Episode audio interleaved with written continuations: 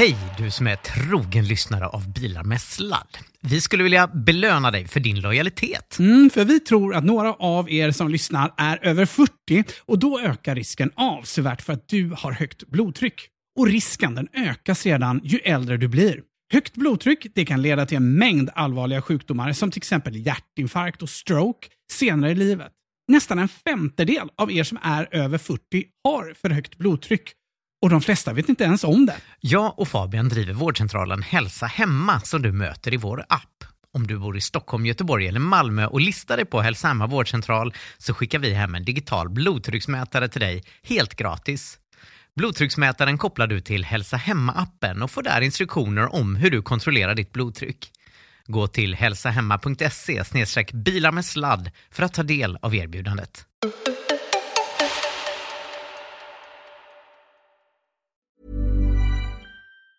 Mom deserves the best, and there's no better place to shop for Mother's Day than Whole Foods Market. They're your destination for unbeatable savings, from premium gifts to show-stopping flowers and irresistible desserts. Start by saving 33% with Prime on all body care and candles. Then get a 15-stem bunch of tulips for just $9.99 each with Prime. Round out Mom's menu with festive rosé, irresistible berry chantilly cake, and more special treats. Come celebrate Mother's Day at Whole Foods Market. Since 2013, Bombas has donated over 100 million socks, underwear, and t shirts to those facing homelessness. If we counted those on air, this ad would last over 1,157 days. But if we counted the time it takes to make a donation possible, it would take just a few clicks. Because every time you make a purchase, Bombas donates an item to someone who needs it. Go to bombas.com slash ACAST and use code ACAST for 20% off your first purchase. That's bombas.com slash ACAST, code ACAST.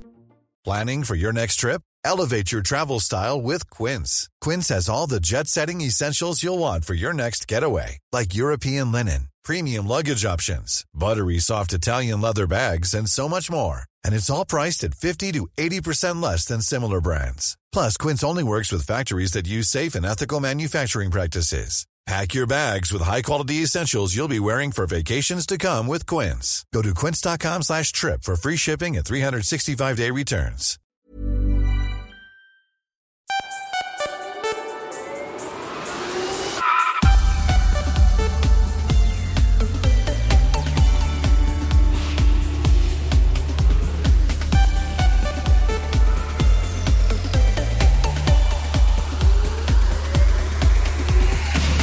I veckans program möter vi den kinesiska elbilen Nio som nu ska slås in i Europa med batteribyten.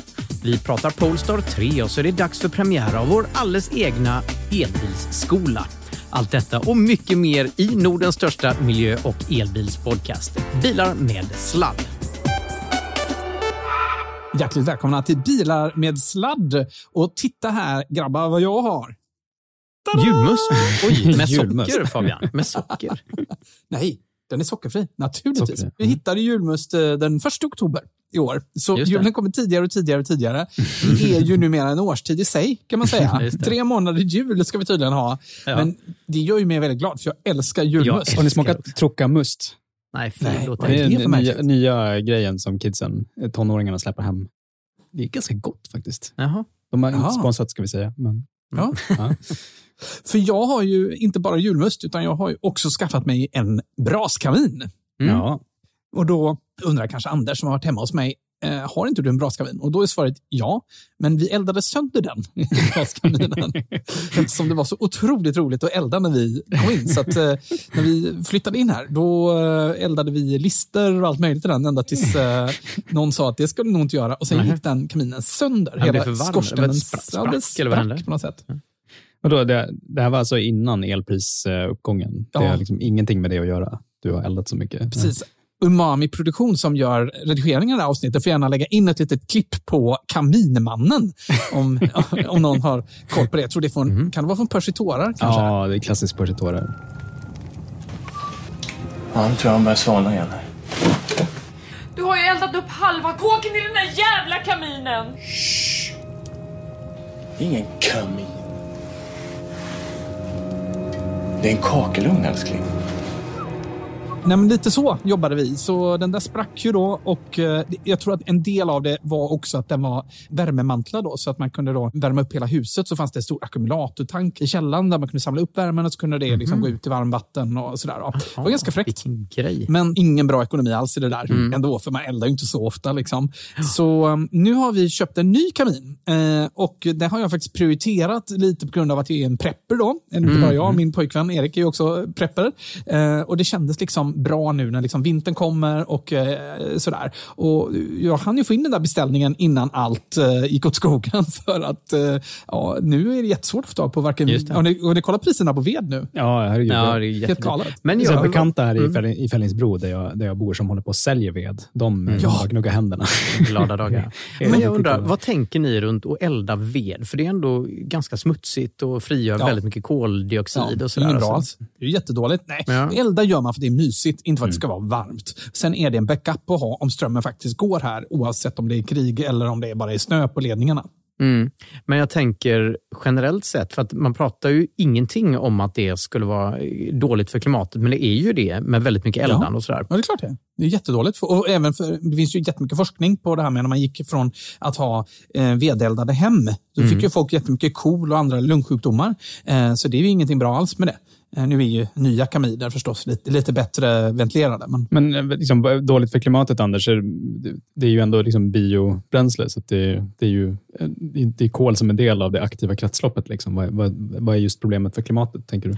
Ja, men alltså, det trä, träet kan du använda till att binda kol. Du kan ju bygga grejer av det. Hus och broar och, och vad som helst. Att Elda upp det är ju det absolut sämst tänkbara, för då frigör du all koldioxid som är bunden där i.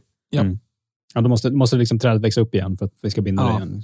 Mm. Sen är det inte så att eh, sotet i luften har en viss avkylande effekt. Så att liksom, Ja, det, har säkert. faktiskt blivit eh, varmare av att det är renare luft nu för att just eh, sotet Ja. har en avkylande effekt. Men, men Du, det är, du, låter, du låter som en sån här gubbe som försöker försvara ditt eldande här. Nej, Ja, jag, faktum är, jag har faktiskt en jordbävningssäker eh, kakelugn. Har ni det? Oj! Oj, oj, oj, oj, oj, du är fan värre prepper än vad jag är. Ja, det låter som att jag är värsta preppen, men det, det är inte svårare än att vi, vi kom på lite för sent när vi renoverade att vi ville, att eh, liksom kaminen vi ville ha, för det har varit en kakelugn där en gång i tiden, men när vi renoverade så kom vi på det lite för sent. Vi hade redan gjutit in så här, golvvärme och grejer, så vi hade ingen Aha. lust att liksom, vi kunde inte ordna ett stadigt fundament under, som Ah. man ju ska ha under en kakelugn eftersom de är så otroligt tunga och de får absolut inte vibrera någonting. Då skakar de sönder direkt. Så då var det så här, den kaminfirman var så här, ja men vi har en lösning. Den här nya kakelugnen kan ni bygga upp. Den är framtagen för svenska ambassaden i Japan. Jaha, oj då. Den svenska ambassaden i Japan, de vill ju ha det mest svenska när de ska visa upp eh, för sina liksom, prominenta gäster. Så då vill de ha kakelugnar. Men eftersom det är jordbävningsland och det ofta är små, liksom, lite seismisk aktivitet, då skakar de sönder direkt. Så då är den liksom konstruerad så att istället för att den är så uppmurad med murbuk och grejer som en, en vanlig kakelugn är, så är det liksom mjuka fogar mellan stenarna som är gjorda av eh, rep Aha. på något sätt. Som gör, och så står allting i en stålcylinder, så det gör att de kan vibrera lite grann utan att gå sönder och bibehålla funktionen. Så det, så här, då, det kunde vi smälla upp på golvet utan att ha ett sånt där tungt fundament. Mm. Det var lite kul tycker jag, att vi hade en jordbävningssäker kakelugn. Men du hade kunnat ha min, eh, för den hänger från taket min, i ett rör. Men ser den ut som en kakelugn?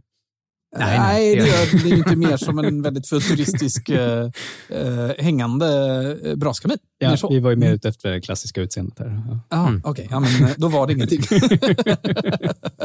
I alla fall, jag är mycket nöjd med min Nordspis Mi Sealing som jag är eh, jättenöjd med. Eh, det var ganska mycket trassel när den skulle installeras, men eh, eh, ja, nu är den igång och vi eldar ju som aldrig förr. Eh, och då har jag faktiskt installerat en liten termometer som inte sitter i den, då, för då brinner ju termometern upp, med en liten sån här eh, termometer kopplad till min hemautomation. Och, Så att när det är varmt kring spisen precis, då stänger den av all annan eh, värme. Så att då slutar pannan att eh, gå. För jag Och märkte att, golvvärmen. Ja, Ja, och golvvärmen. För jag märkte att det var sån delay innan den uppfattade liksom att, eh, att det var varmt i huset. Och det sprids ju hela huset ändå. Eh, och det tycker jag funkar jättebra. Så ett tips där om man har lite automatiseringsintresse så är att automatisera sin, eh, sin braskamin.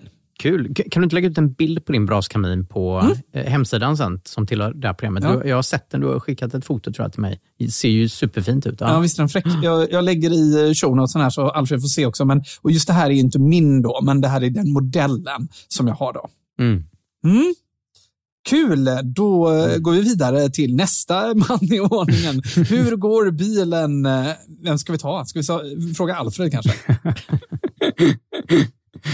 Eh, jo, men det, jag har fortsatt leka mekaniker. Jag håller på att bli värsta bilkillen. Jag har ju verkligen alltid annars varit en datakille som Ja. aldrig har skrivit med bilar. Men, men nu har jag fått liksom lite vatten på min kvarn efter att jag berättade i förra avsnittet att jag fick liksom reparera bilen, åtminstone lite provisoriskt och var lite stolt över att jag hade demonterat den rätt mycket. Men nu har jag varit och demonterat. liksom- Jag, bara- jag måste bara ha sagt det. Det är gaffatejp som är din Alltså, ni är så fokuserade på det där med gaffatejpen. Det, det var massa liksom, riktiga skruvar och klipp som sitter precis som de ska för att ens komma åt det som behövde tejpas, ska jag säga till, till lyssnarna.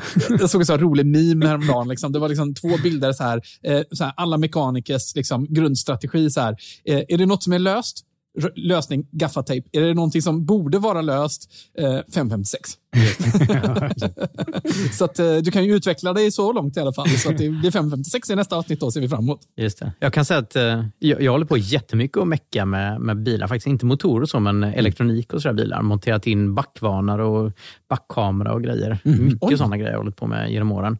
Faktiskt senast på vår IMIEV satte in eh, större skärm och backkamera och frontkamera och grejer. fräsig, lågt sittande fälgar och eh, sånt ljus under också. Eller? Ja, inte sånt meck har inte hållit på med, men mer elektronik i bilarna tycker jag är väldigt Okej. roligt att greja med. Ja. Men jag, jag har liksom alltid levt efter devisen att om det går att programmera, då vet jag hur jag ska laga det. Så då behöver jag inte vara orolig. Liksom. Det, det känns alltid så tryggt för mig med mjukvara, för det är bara att ångra sig för man gör fel. Liksom. Men Mm. Det är lite, lite knepigare med bilen. Men vi, vi som kör Tesla har ju liksom blivit eh, påsålda från eh, Tesla att vi ska liksom ha servicefria bilar. Att de inte Just ska behöva någon service. Liksom. Och det är ju sant att de behöver väldigt mycket mindre service än andra bilar och eh, att man inte behöver serva dem för att man ska få behålla garantin. Men det är ju faktiskt så att man ändå kanske ska se- ta sig över bromsarna emellanåt och att man ska faktiskt också byta kupéfilter, vilket jag nu har helt enkelt gjort Just i mina bilar för första gången på länge. Och det var, då får man riva lite i mittkonsolen och ta loss paneler. Och så här. Det var lite mer meck på Model X för att komma åt än, än på Model Men 3. det tror jag man får göra själv. Det är en av de få Mac-grejerna som Tesla säger att man får göra själv. Va?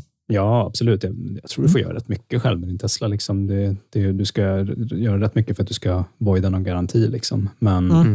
Det här är verkligen någonting som alla klarar av. Det är inga konstigheter. Det är bara det. att eh, man liksom behöver komma över någon tröskel, någon respekt man har för de här dyra bilarna. Att, de ska liksom, eh, att man, man ska, bara, ska vara ängslig med att göra det. Men det, det var ganska kul att jag gjort det. Mm. Om man är lite mer ängsligt lagd, då kan man göra som jag och bara byta bil istället. Det funkar också jättebra. Men hur är det med dig, Anders? Ja, men det är bra. Eh, Jag har ju varit ute och rest, varit på, i Berlin där, på Nios lansering. Vi kommer ju höra om det senare i programmet här. Men så tappade jag bort mina binaural-mikrofoner. Eh, Och det, ska du berätta vad det är för något binaural? Ja, men det är ju liksom eh, mikrofoner som man sätter vid samma avstånd ungefär som öronen sitter. Det finns lite olika varianter, men de som vi faktiskt har fått snällt sponsrade av Sennheiser för några år sedan, eh, de sätter man som, eh, som hörlurar typ. Alla lyssnarna har ju liksom hört resultatet. När vi Mm. provkör bilar brukar vi använda dem till exempel, för att det ger väldigt bra så här, uppfattning om hur det är att sitta i bilen. Ja, men precis. Man får en Exakt. sån rumsupplevelse, så, så det känns som Ja. att man sitter i, där i. Så, Och det är för- faktiskt så nära 3D-ljud man, man kan komma på riktigt. Och Det är egentligen skitenkelt. Det är bara att man har två mikrofoner där öronen brukar sitta. Men trixet är ju då att man måste ha ett par lurar som helst är så slutna som möjligt. Men ett par iPhone-lurar fungerar utmärkt, som kanske många lyssnar på det här avsnittet i. Men i alla fall, mina binaural-mikrofoner är är favoriten av alla. Och så var jag där på den här Nio-festen eh, sent på kvällen och snackade massa kineser och sådär. Och sen så nästa morgon så var de helt borta. Och, så att hela, så här, det ni kommer höra sen, att första klippet, eller första del ett, där har jag sån 3D-ljud. Ah. Så att ni som lyssnar på det sen, ta på er lurar och så lyssna på det, så kommer man höra s- som att man var i miljön där. De två andra, där har jag fått använda lite andra mikrofoner. Sen när jag kom hem så, så hittade jag dem i fickan. Klassiker. ja, ja, det där har man gjort mycket. ja, herregud. Sabbade dag två av, av inspelningen där. Ja, Det var tråkigt. All right, har vi något mer att avrapportera eller ska vi rulla vidare? Nu tycker jag vi går vidare. Allt fler så kallade vanliga människor vill ge sig ut i internetvärlden. Stand by to receive our transmission. You've got mail. Då har vi fått brev från Emily som skriver så här. Tjenare grabbar! Tänkte börja med, som man bör, och tacka för en kanonpodd. Jag antar att jag tillhör er lilla skara kvinnliga lyssnare som väntar ivrigt på nya avsnitt varje månad. Och hon skriver i alla fall så här. Efter att ha lyssnat på er några månader så inser jag att det händer otroligt mycket i elbilsvärlden och att alla bilmärken inte riktigt hänger med vad de borde ha. Jag tänker bland annat på möjligheten när det gäller snabbladdning och så vidare. Så därför tänkte hon fråga om vi haft möjlighet att ta upp i ett poddavsnitt vad man borde tänka på när man letar efter elbil och köpa nytt eller begagnat. Vad är viktigt att kolla upp och vad bör bilen ha för att fungera på lite längre resor? Ja, mm. Återigen, tack för en kanonpodd som strömmar ut i högtalarna flera dagar i veckan. Mm. Och eh, Faktum är att det här är en ganska rolig fråga. Vi har fått eh, mycket frågor från nya elbilister och så. Och därför så tänkte vi eh, starta ett nytt moment mm. i podden som vi kallar för Vadå Alfred? Elbilsskola.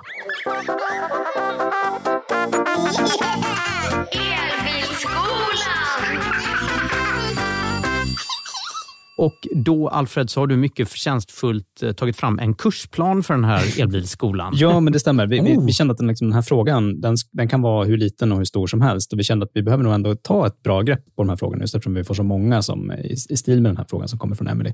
Mm. Och eh, även om vi skulle liksom ägna hela programmet åt allt man har att tänka på som hon är ute efter, så tror jag inte vi skulle få plats i ett program. Så det vi har tänkt göra är att vi delar upp det här i, i några avsnitt. Eh, så det kommer det helt enkelt bli under hösten här nu fem stycken lektioner i vår elbilsskola.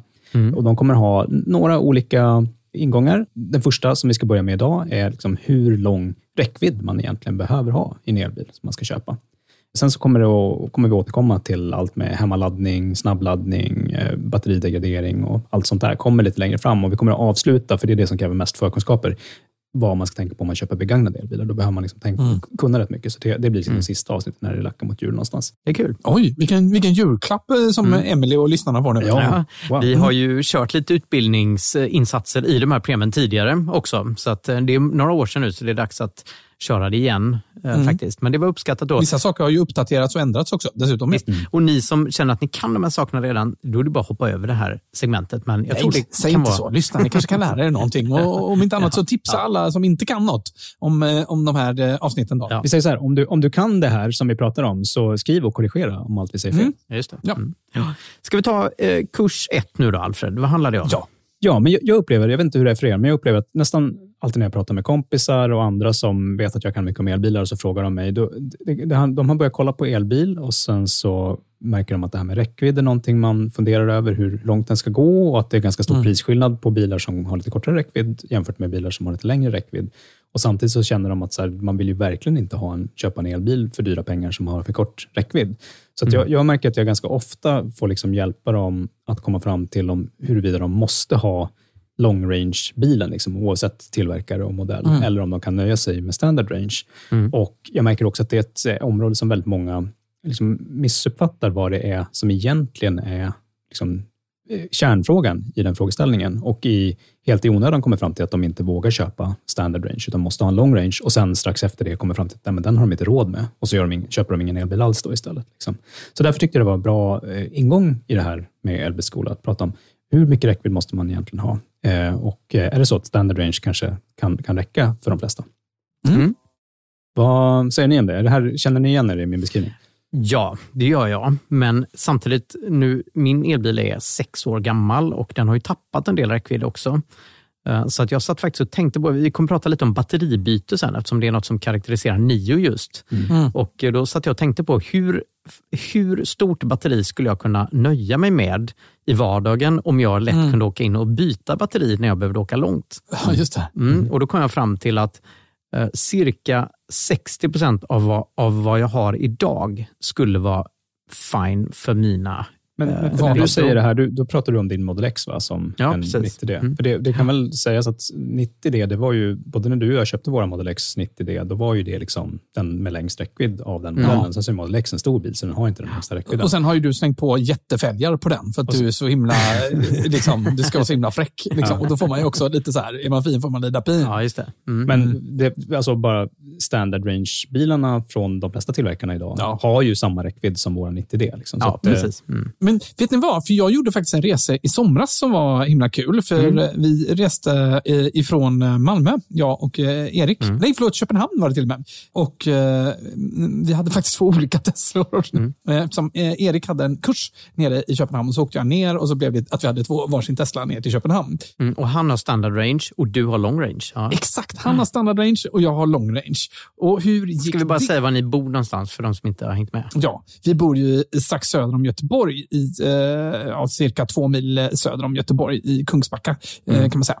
Eh, kan det vara? 30 mil kan jag säga att det är mellan Kungsbacka och Köpenhamn. Okej, tack. Mm. Och Då kan man säga att det blev ju ganska stor skillnad mellan våra två bilar eftersom Erik behövde ladda och jag inte behövde ladda. Mm. Eh, så han behövde ändå ett laddstopp, vilket gjorde att ändå liksom, han kom fram ändå en kvart, 20 minuter senare. Så blev det i praktiken. Då. Så en kvart, 20 minuter, bilen var så här, 150 000 kronor billigare. Ja, det är nog mer än så kan Ja. jag säga, så skiljer de bilarna.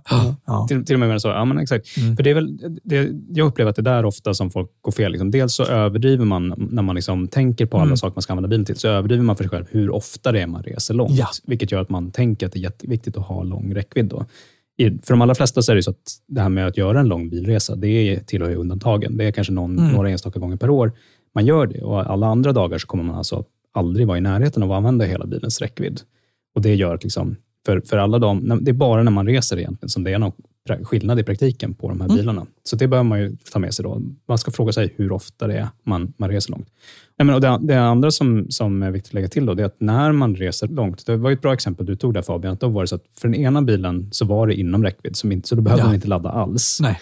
Eh, Den andra var tvungen att stanna och ladda, så då, då blir det såklart en tidsskillnad. Men för de allra flesta som tänker på långresa och för att man ska hitta något bra sätt att jämföra, då tycker jag, de- jag har pratat om det tidigare, att det här testet som Björn Nyland i Norge gör, där han kör bilarna 100 mil, det är ett ganska bra sätt, för då, då är man liksom längre än i princip alla bilars räckvidd. Och, eh, det, det, kokar då ner till att det är inte bara räckvidden som spelar roll, utan det är faktiskt också hur snabbt de laddar och vad de har för Mm. förbrukning som spelar roll. För där kan man se på de testerna att ibland så är det faktiskt så att en bil med något mindre batteri, men väldigt eh, hög effektivitet, den kan vara snabbare än en bil med, med eh, större batteri och längre räckvidd, men som laddar långsamt. Och så, vidare. Mm. så det blir liksom en kombination av de här faktorerna som spelar roll.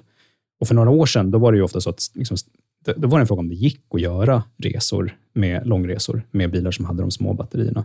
Det, så skulle jag säga att så är det inte längre, utan alla liksom, vettiga bilar som, som inte är dumsnåla, som man kan köpa idag, de klarar att göra långresor.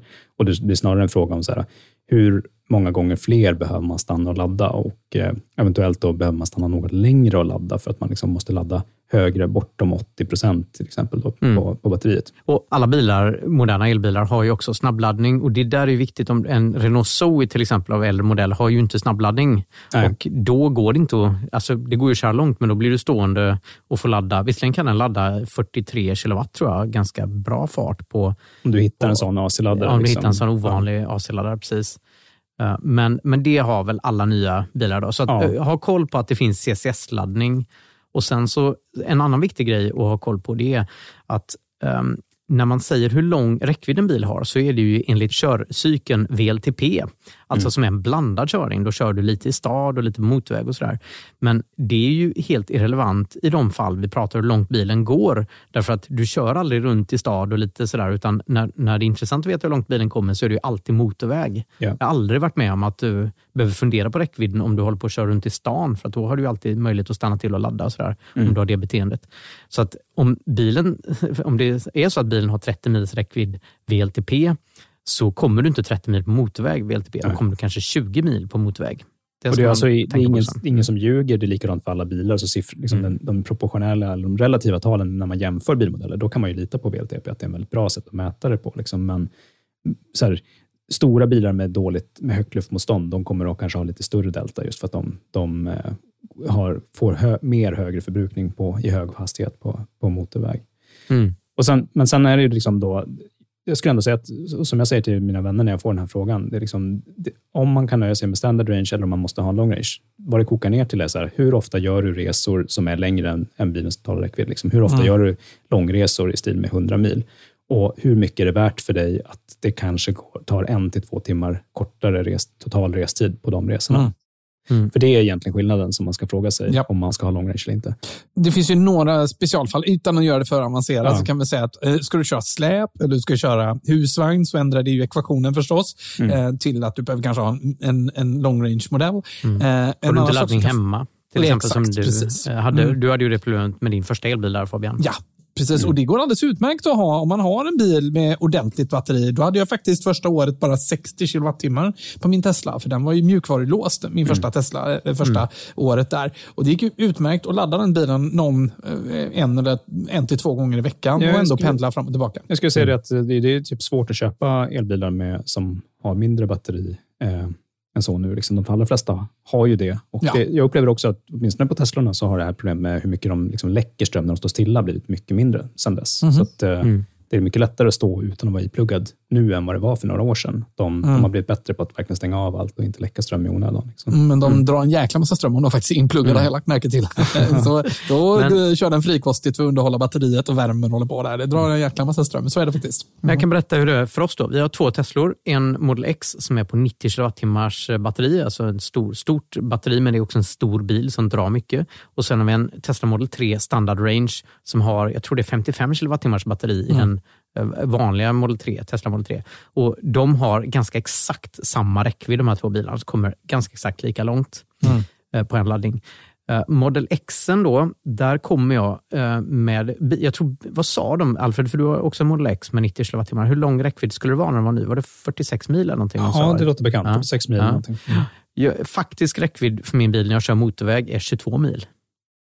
Det, vi återvänder alltid till det här med det. Alltså jag fattar inte hur du kommer så långt. Jag kommer ju 30 mil liksom, med våra. Ja, Men, ja, nej, det är nog Ja. beror på lite hur snabbt man kör och sådär. Nej, men jag kör ju inte så vilt. Alltså, det måste jag ändå säga. Mina stora Anders, hjul... du, vi har ju dåligt case här med tanke på att vi båda ganska nyligen åkte fast i de där ja, ja, fartkontrollerna. men det var ju, Ja. var ju några kilometer bara. Men eh, i alla Ja. fall, jag har också kört snabbt på autobahn, punkt, punkt, punkt, Mm. ska sägas. Ja. Så att, eh, jag, Mm. tror inte att det bara är det, utan det är någonting Nej, det är annat. det. Jag är, fan Ja. rädd, att- jag är lite rädd att det är någonting som är lite vajsing på din bil, Anders. Att den drar Ja, men det är mina hjul vet jag är ett stort Ja, problem. det är ju- 10-15 procent mer säger Tesla Ja, att, att de drar när du har Visst. de stora hjulen jämfört med de små. Då.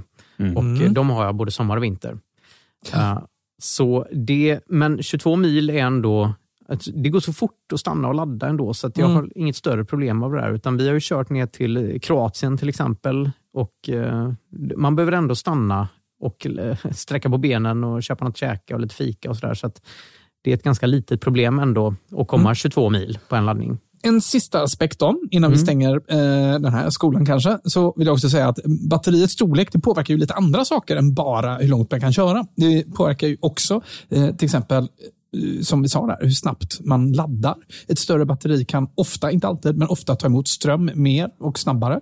Ehm, och eh, en till sak är ju faktiskt accelerationen. Eh, om resten av bilen är liksom upp till par och är, är pigg, så ett större batteri innebär ju att du kan få ut mer ström snabbare också, vilket gör att du kan accelerera snabbare. Och tycker man det är kul, ja, då ska man ju ha en, en bil med ett större batteri. Absolut, men s- samtidigt, jag tycker någonstans att av, om det är många som ställer sig den frågan, vilket jag upplever att det är, klarar Ja. man sig med standard range eller måste man köpa long range? Ja. Då är det faktiskt så att Precis som det för några år sedan var, ganska, man var tvungen att komma fram till lite långsökta argument till varför det inte gick att liksom, ha en elbil, varför man inte kunde byta ännu. Så är det med standard range nu. Det, man måste liksom komma på ganska så mycket specialfall för varför man egentligen inte ska klara sig med standard range. Det kokar verkligen ner till den här liksom frågan, hur mycket är det värt för mig att slippa att det tar en till två timmar längre när jag ska Mm. åka 100 mil? Mm. Det, är det, det är det som är skillnaden. Vi nämnde ju också degradering där. Och då vill jag bara säga för att för min del så har jag inte märkt på tre år, äh, nästan ja, tre och ett halvt år, äh, ägaren av en Model 3, så märker jag, jag märker inte av de- degraderingen alls. Jag har tagit en bild så jag vet att det är lite degradering, för jag har tagit en bild av eh, precis hur instrumentbrädan var när den var precis ny. Men i praktiken märker jag ju absolut ingenting på de kilometrarna som jag har tappat. Degradering ska vi bara nämna är när batteriet då blir försämrat, hur mycket det tappar. Ja, Men det ska vi prata mer om i en kommande elbilskola. Ja, ja, men vad bra. Då ska inte jag säga för mycket. Men eh, den verkar tappa mest i början, så brukar det vara på de allra flesta. Och eh, eh, Sen så planar det ut och blir typ ingenting. Liksom. Så Mm. att, eh, man, det är inte heller ett argument att köpa ett större batteri nödvändigtvis. Eh, att man tänker att ja, men när den är nedgraderad och jag har ägt den här bilen i tre år så kanske jag inte kommer lika långt. Nej, eh, Det, det är inte så mycket att tänka på. Nej, de moderna batterierna är väl underhållna. De har kylning och de har uppvärmning och sådär. Så att min bil, jag märker inte av det heller. Jag har över sex år gammalt batteri nu i min bil Mm. och jag märker ja, någon eller ett eller två mil har tappat räckvidd. Mm. Och med det då, och så stänger vi boxen eh, som vi kallar elbilsskolan för den här gången. Lektion ett avklarad. Känns det bra, grabbar? Ja, men tycker det. Lite på volley, men jag hoppas att det var nyttigt ändå. Ja.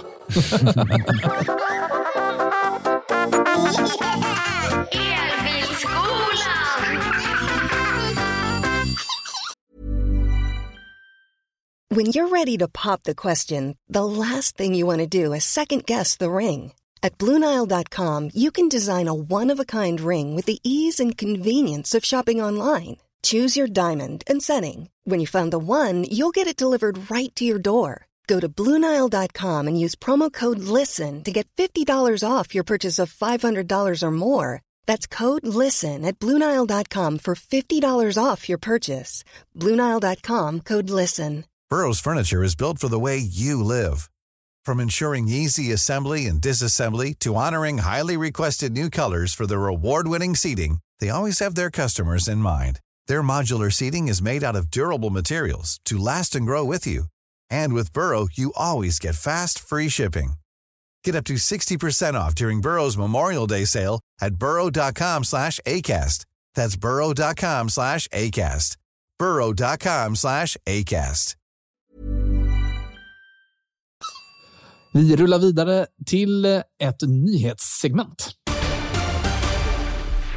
För att eh, det har ju varit valår som kanske många har noterat.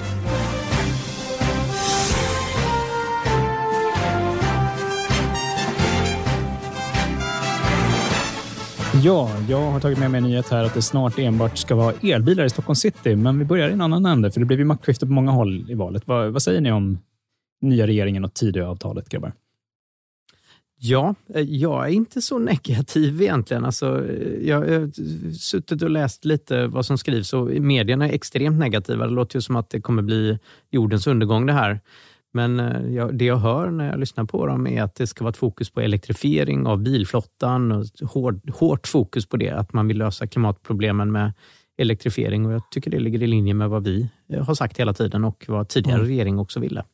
Jag tycker det är intressant att du säger att eh, jorden ska gå under, för det är väl kanske precis det som jag känner lite grann att den här regeringen ändå bidrar till. Jag är inte särskilt eh, nöjd med de förslagen som har lagts. Mest frågande är jag till det här med högkostnadstak för eh, elräkningarna. Det är ju eh, liknande förslag från bägge sidor då i och för sig, så det är inte bara högerblocket då som... De har inte riktigt kommit med sin konstruktion ännu på hur, det ska, hur de ska göra det. Liksom. Nej, det har inte kommit något förslag när vi spelar in det här. Nej. Nej, men det som oroar mig då, men det kan ju vara att jag har missuppfattat någonting eller att de har eh, varit dåliga på att kommunicera. Men högkostnadsskydd, det påminner mig om högkostnadsskydd i sjukvården eller på apoteket. Och det är ju att när man når en viss nivå så ja, men då är det gratis eller väldigt Mm. kraftigt reducerat. Ja. Och det Ja, måste men det vara ändå... Ingen vet hur det ser ut. Nej, men det, om man Mm. gör det så, så måste det ju ändå vara det sämsta sättet att göra det på. För jag vet ju liksom vem jag kommer åka och, och ladda min bil hos. Liksom. Det är ju den som har slått i högkostnadstaket. Det är ju idiotiskt. Jag hoppas verkligen inte att det blir så. Den andra jag- saken som eh, oroar mig ordentligt, det är ju slopandet av reduktionsplikten eh, i syfte av att sänka eh, förstås bensinpriset. Då. Eh, och jag kan tycka att det hade varit mycket bättre att helt enkelt sänka skatten eller momsen för att de får ju in väldigt mycket mer pengar med det här dyra bensinpriset som vi har så får ju staten in väldigt mycket mer pengar. Det tänker man inte på. Men om man har 20 kronor per liter istället för 10 så är det ju dubbla momsen och skatten man får in på det där. Eh, så det borde ju gå att reducera i så fall om man nu verkligen vill ha ner eh, bensin eller dieselpris. Reduktionsplikten tror jag inte är så smart. Och jag såg ju också att Naturvårdsverket, eh, statens egna myndighet, går ut och varnar och säger att vi kanske inte kommer klara Parisavtalet då. Ja, det såg ju illa ut att nå liksom, våra uppsatta Oavsett. klimatmål innan Mm. regeringsskiftet. Mm. Och de enda, liksom, nu har ju den nya regeringen, det de har hunnit säga, är ju att de Mm. också tycker att vi ska nå Parismålen. Men det enda liksom, de konkret har gjort hittills som verkligen får in betydelse, det går ju åt fel riktning då med, med att de Mm, tar bort precis. reduktionsplikten. Så då måste ju någonting ännu mycket mer hända någon annanstans för att kompensera Exakt. för det. Liksom, vilket känns, ja, jag, jag måste säga att jag är lite eh, lite rädd för hur det ska gå, samtidigt som jag tycker det är viktigt att liksom inte heller bara sitta och, och liksom slicka såren och vara, vara arg, utan man får ju ge dem en chans att se vad som ska komma nu. Liksom jag kan notera att, för det jag, jag har varit livrädd för, jag menar, vi har ju haft mycket, vi har diskuterat kärnkraft mycket. Mm. Nu blir det väldigt intressant. Om de ska göra kärnkraft nu, då kommer vi få se om, om jag har haft rätt i mina resonemang och den där kärnkraften blir onödig eller inte. Ja, Nu- det, är- nu kommer det på att ställs du kommer få rätt. ställs det som på sin spets. Men det jag är livrädd för är att det kommer att tas som ursäkt för att inte bygga ut vindkraft. Och jag har ändå sett Ebba Busch, som nu då alltså blir den nya näringsministern och som ska ha ansvar för de där frågorna, säga att de ska bygga, Sverige behöver all ny kraft som de kan Mm. få, så de ska bygga vindkraften snabbt också. Det ligger massa ansökningar på regeringens bord som de har sagt att de ska godkänna. Och det finns inga förslag heller kopplat till någon sorts avveckling av vindkraft eller så, utan det ser ut som att man vill köra på i samma linje. Det finns ett förslag. De vill ju inte ge stöd för det här med att eh, bygga ut nätet. Nej, precis. Ut till havsbaserad vindkraft. Och där skickade jag ett sms faktiskt till Daniel Kulin på, som jobbar med utbyggnad av havsbaserad vindkraft och han svarade att det har ingen betydelse, praktisk betydelse för dem. Mm. Kanske möjligen på marginalen om det är någon som Okej. har planerat några väldigt remota Mhm. vindkraftsparker någonstans som inte har lönsamhet annars, men det, det spelar ingen roll. Okej. Men ja, jag tycker det är synd att det, jag tyckte det var väldigt bra när det var så att det fanns ett miljöparti egentligen på båda sidor om Ja. blockgränsen. Mm. och det tycker jag är väldigt synd att det inte är så längre. Liksom. Mm. För det, Mm. det kändes bekvämt för mig som tycker att de frågorna är viktigast. Att liksom, det var inte någonting som var en avgörande skillnad i blockpolitiken. Och det känns som att det har blivit nu. Och så får vi se Mm. om det är så illa som man kan befara eller om det faktiskt kommer att kunna gå vägen ändå. Det, det måste vi liksom ändå ge dem chansen Mm. att eh, visa att de, de tänker lösa det här. Ja, med men vadå, vadå ge chansen? Det är, ju liksom, det är ju nu alla förslagen kommer. Liksom. Vi ser ju inga tecken på att de gör någonting vettigt i miljöpolitiken. Det går ju bara åt helt fel håll. Nej, det tycker inte jag alls. Herregud. Alltså, det ser ut som det har gjort innan, tycker jag. Kärnkraft alltså, det är ingen- då, om tio år. Liksom, va? De la ner miljödepartementet. Det återstår Ja. att se vad det får för konsekvenser. Får Liksom. Det känns ju ganska drastiskt. Ja. Alltså grejen är att när jag, jag, när jag läser DN ska säga, så är det, det är idel liksom väldigt negativa tongångar och jag, när jag läser Tidöavtalet och lyssnar på vad de säger så ser inte jag det riktigt. Alltså jag var rädd för helt andra grejer, att man skulle börja fokusera på kol och ökad... Alltså, ser ju ingenting av det där liksom skräckscenarierna utan alltså reduktionsplikten tänker jag är, är möjligen det stora problemet men det är en, ändå en ganska marginell grej i det stora hela. Alltså det, elbilar och sådär kommer och ellastbilar kommer lösa det här av sig själv. Det finns inget regeringen kan göra för att stoppa den övergången som ändå är på väg. Liksom. Jag tror att du är någonting på spåren där. Jag tror faktiskt att det är, den här bollen är redan satt i rullning, så det går inte att stoppa den här. om liksom, Oavsett hur mycket man skulle vilja bromsa upp det, så tror inte jag det går. Mm. Eh, sen vet jag inte hur mycket den här regeringen vill bromsa upp det. Det kan nog finnas med något parti där i bakgrunden som, i den här regeringsbildningen som, som kanske ännu hellre skulle kunna bromsa upp det om de, om de Mm, kunde. Men jag tror inte att de kan göra det faktiskt. Det som jag faktiskt tog med mig som nyhet här, är ju att, för det som har hänt samtidigt i Stockholm är ju liksom, det är ganska kul att det ofta är så. Att det liksom, Stockholm går alltid tvärt emot rikspolitiken känns det som. Att när det blir eh, vänsterseger i rikspolitiken, då blir det högerseger i Stockholm. Och nu har det ju liksom motsvarande hänt då, att det blir vänster, vänsterseger Okej. i Stockholm Okej. när, när det blivit högerseger i politiken i stort. Så att, och I praktiken vad det innebär, eftersom det Miljöpartiet som är vågmästare i Stockholm, så är det Miljöpartiet som har bytt kompisar då helt enkelt och eh, kör vidare. De har ju liksom då varit en del av eh, maktkonstellationen i Stockholm även tidigare, men nu ska de då styra Mhm. Stockholm vidare men tillsammans med Socialdemokraterna och Vänstern framåt. Och de gick liksom stick i stäv då, eller ganska liksom spegelvänt mot vad den nya regeringen gjorde och liksom det, det enda de egentligen har hunnit kommunicera om vad de ska göra, det är att ännu större del av Stockholm ska bli eh, vikt enbart åt elbilar eller eh, de allra, allra renaste gasbilarna. Eh, fram till 2030 så ska all Stockholmstrafik vara helt utsläppsfri och mellan åren 2024 och 2026 så ska successivt allt större delar av Stockholm city och Norrmalm och Gamla stan bli enbart elbilar. Mm. Vad tycker ni om det här? Mhm. Jättebra. Mm. Toppen. Alltså det med bilar i stan är bara dumheter egentligen. Kollektivtrafiken är så otroligt väl fungerande inne i städerna. Så om man bygger parkering stora, jag fattar inte man, att man inte har gjort det, liksom byggt enorma parkeringshus i anslutning till tunnelbanestationerna så att man kan slippa Men det har man gjort, så infartsparkering. Det, det känns väl som ett ord man har hört. Liksom. Oh, alltså, Ja, jag är inte jätteförtjust i kollektiva färdmedel. Jag har också jävla mycket kollektivt. Nu tycker jag i och för sig, till skillnad från varenda stockholmare jag pratar med när jag ger dem beröm för deras fina tunnelbana, så tycker jag i och för sig att den är helt fantastisk. Att man hoppar ner i ett hål och så kommer man upp någon annanstans. Ja, jag Eh, fattar att du är emot kollektivtrafik eftersom du är från Göteborg. Liksom. Men, men, Ja, men tunnelbanan är ju Jag har suttit så mycket på bussar och spårvagnar. Mm. Jag har väntat i kyla och regn underifrån som det är i den här jävla stan. Mm. Alltså jag, jag känner så här att jag har åkt färdigt kollektivt för ett hel livstid. Liksom, så känner jag. Liksom. Och Jag tycker jag blir sjuk på spårvagnar och bussar också för att folk sitter och hostar på mig. Och, sådär. Eh, och Jag känner verkligen att jag fick rätt i med pandemin eh, angående det också. Eh, för det var aldrig någon som lyssnade på det argumentet innan dess. Nej, eh, när, när vi på Hälsa Hemma satt mitt ansikte bak till på en buss i en eh, marknadsföringskampanj som vi hade då. Eh, då fick jag höra av mina vänner att det var nog enda gången som jag eh, är på en på buss.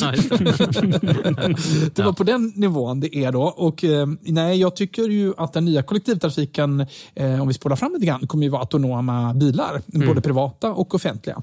Och, och jag, det tror ändå, kommer jag tror att tunnelbanan kommer att överleva autonoma Ja, bilar faktiskt. absolut. Ja, det gör det, säkert. det, är liksom, det är det snabbaste sättet att ta sig fram i Stockholm. Det är ju, det är ju verkligen, det finns ingen anledning att liksom inte åka tunnelbana när man är i Stockholm. Mm. Det- Nej, men I Göteborg är det ju cykel som är det snabbaste sättet att, Ja. att ta sig fram, helt Mm. klart. För det alltså, spårvagnarna är ju sådär, liksom, att det ligger, det ligger en snöflinga och ett löv på ett spår. Nej, det går inte att köra. liksom, och det är överraskning varje det, år. Jag Ja. tycker ändå det är viktigt att, att prata om att eh, kollektivtrafiken är ju väldigt olika runt om i landet. Ute på Ja. landsbygden så kan du få vänta två timmar på en buss och sådär. Ja. Och Det är en vedervärdig upplevelse med jättelånga turtider och så. Där funkar inte kollektivtrafik. Och det går inte att få det att funka heller. Jag kan inte ens se i glesbygd hur du ska kunna få upp turtätheten och få en behaglig upplevelse. Så det är klart att... Ja, med autonomi då, med autonoma bilar. Ja, kan du absolut. få det är ju. Mm. lösningen på det där. Absolut. Men eh, ofta så när man pratar kollektivtrafik när, från politiskt håll så, så pratar man om kollektivtrafik utifrån Stockholms perspektiv där Mm. det såklart funkar hur bra som helst. Jag älskar tunnelbanan i Stockholm. Hatar bussarna ute i Varberg där vi har haft sommar, eller vi har sommarställe liksom, ute i landsbygden där ute. Eh, det funkar ju inte där.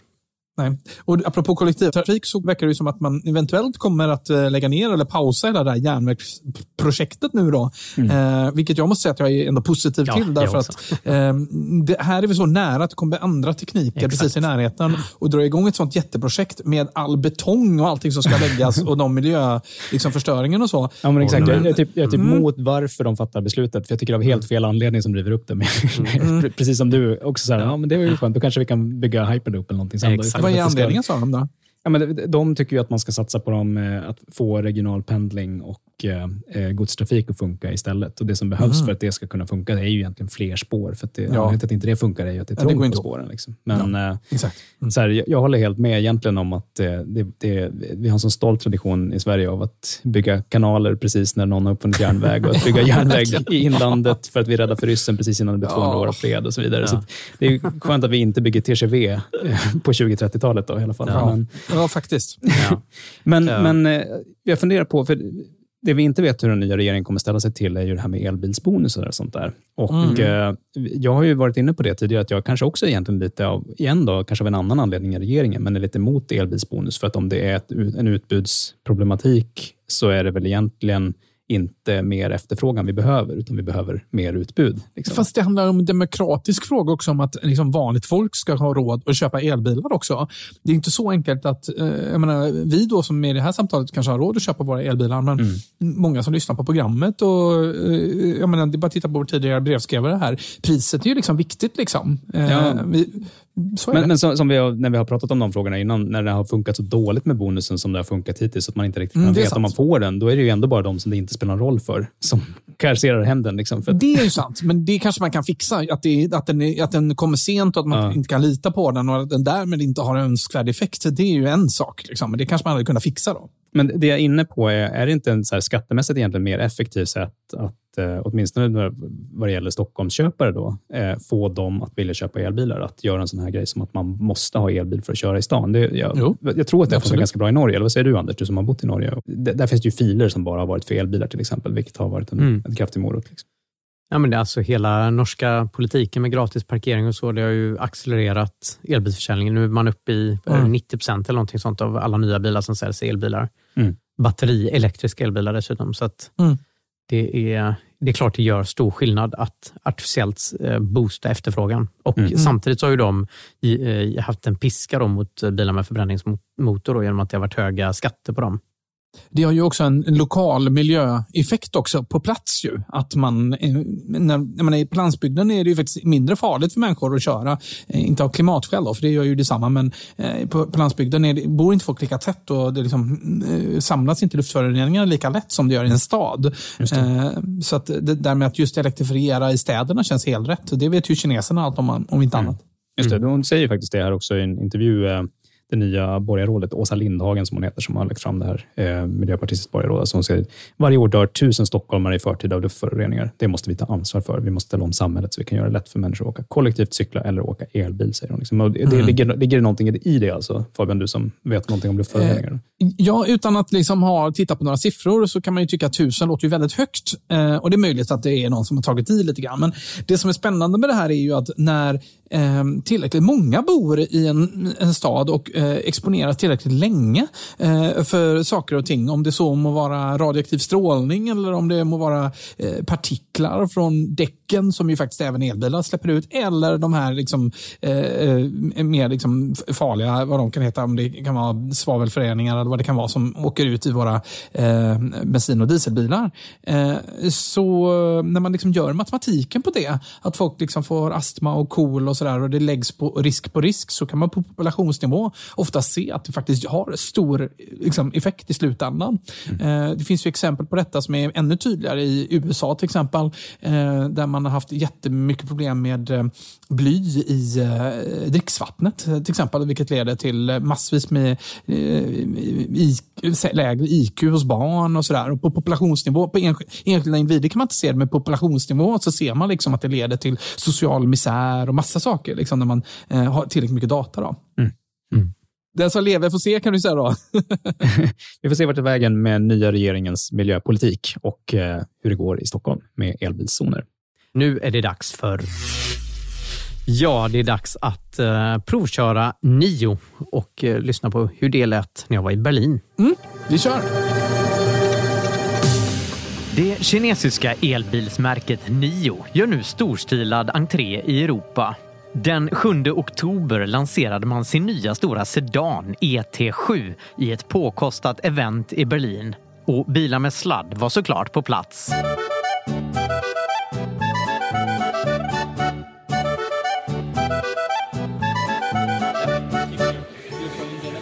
Uh, no, Sweden. Mm. Anders Willstedt, W-I-L-L-S-T-D-T. Uh, yeah, correct. Yeah. Själva eventet hölls centralt i Berlin Nios olika bilmodeller var uppställda utanför och det vimlade av journalister och inbjudna entusiaster i den tyska höstsolen.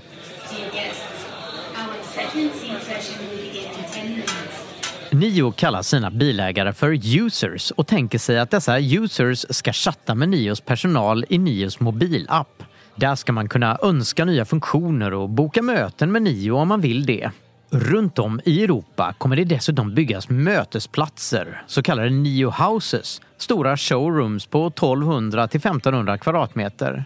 Dit ska ungdomar enligt Nio gå och göra läxan och småföretag ska kunna låna konferensrum. Man ska visa fram sina bilar och sälja kläder, paraplyer, väskor och tillbehör.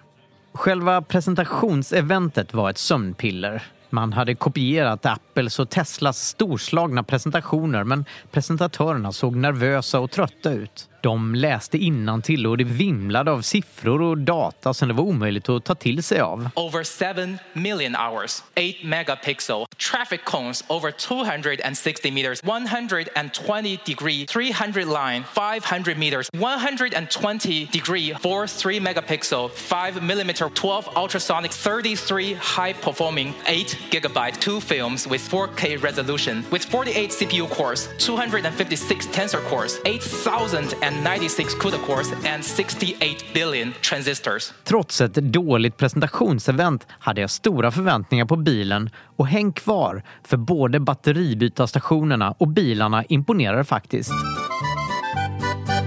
Mm, Kul Anders! Hu- Hummersås nere i Berlin, vad härligt. Men det, Det kanske inte hindrar dig från att såga de här, för det, det andas ju lite att du kommer såga här.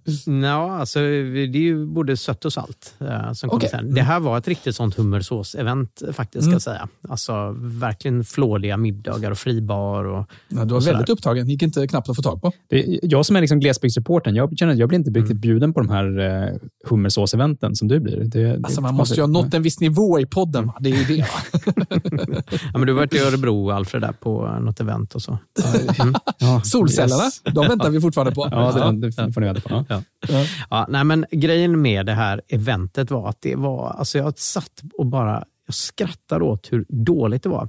Och Då menar jag inte dåligt så genomförande, för det var oerhört professionellt. Alltså det, var, det var absolut i par med Tesla eller Apples stora fina event. Och Det var perfekt liksom, med fonter. Man kan verkligen se hur de har suttit och matchat, hur de fejdar upp texter och sådär på Teslas event för att få Mm. det exakt likadant. Alltså det var pixelperfekt. Mm. Snygga bilder, drönarbilder och alltihopa. Det var bara att innehållet var helt bara... bara- satt och ryckte på axlarna. Det var, Aha.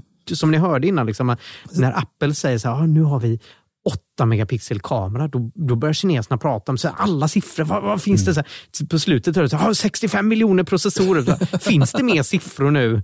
För, fram, liksom. har, har ni varit i Kina själva? Nej. Eh, Det, jag var där 2019 eh, på- på en resa och eh, kollade på en del grejer. Jag fick ju provåka lite Nio då, också faktiskt. Mm. Redan. En, en bekant som hade en, en av deras större, den tidigare modellen, ES8 tror jag Mm. den. Mm. Men, men det är verkligen, alltså i Kina är det verkligen more, more is more. I Mm. Kina. Det finns liksom ingen, minimalism är inte en grej där, utan det är verkligen, eh, man kopierar allt som är bra av andra och så är bara den som har mest mer. av allt som är bra måste ju vara bäst. Liksom. Mm.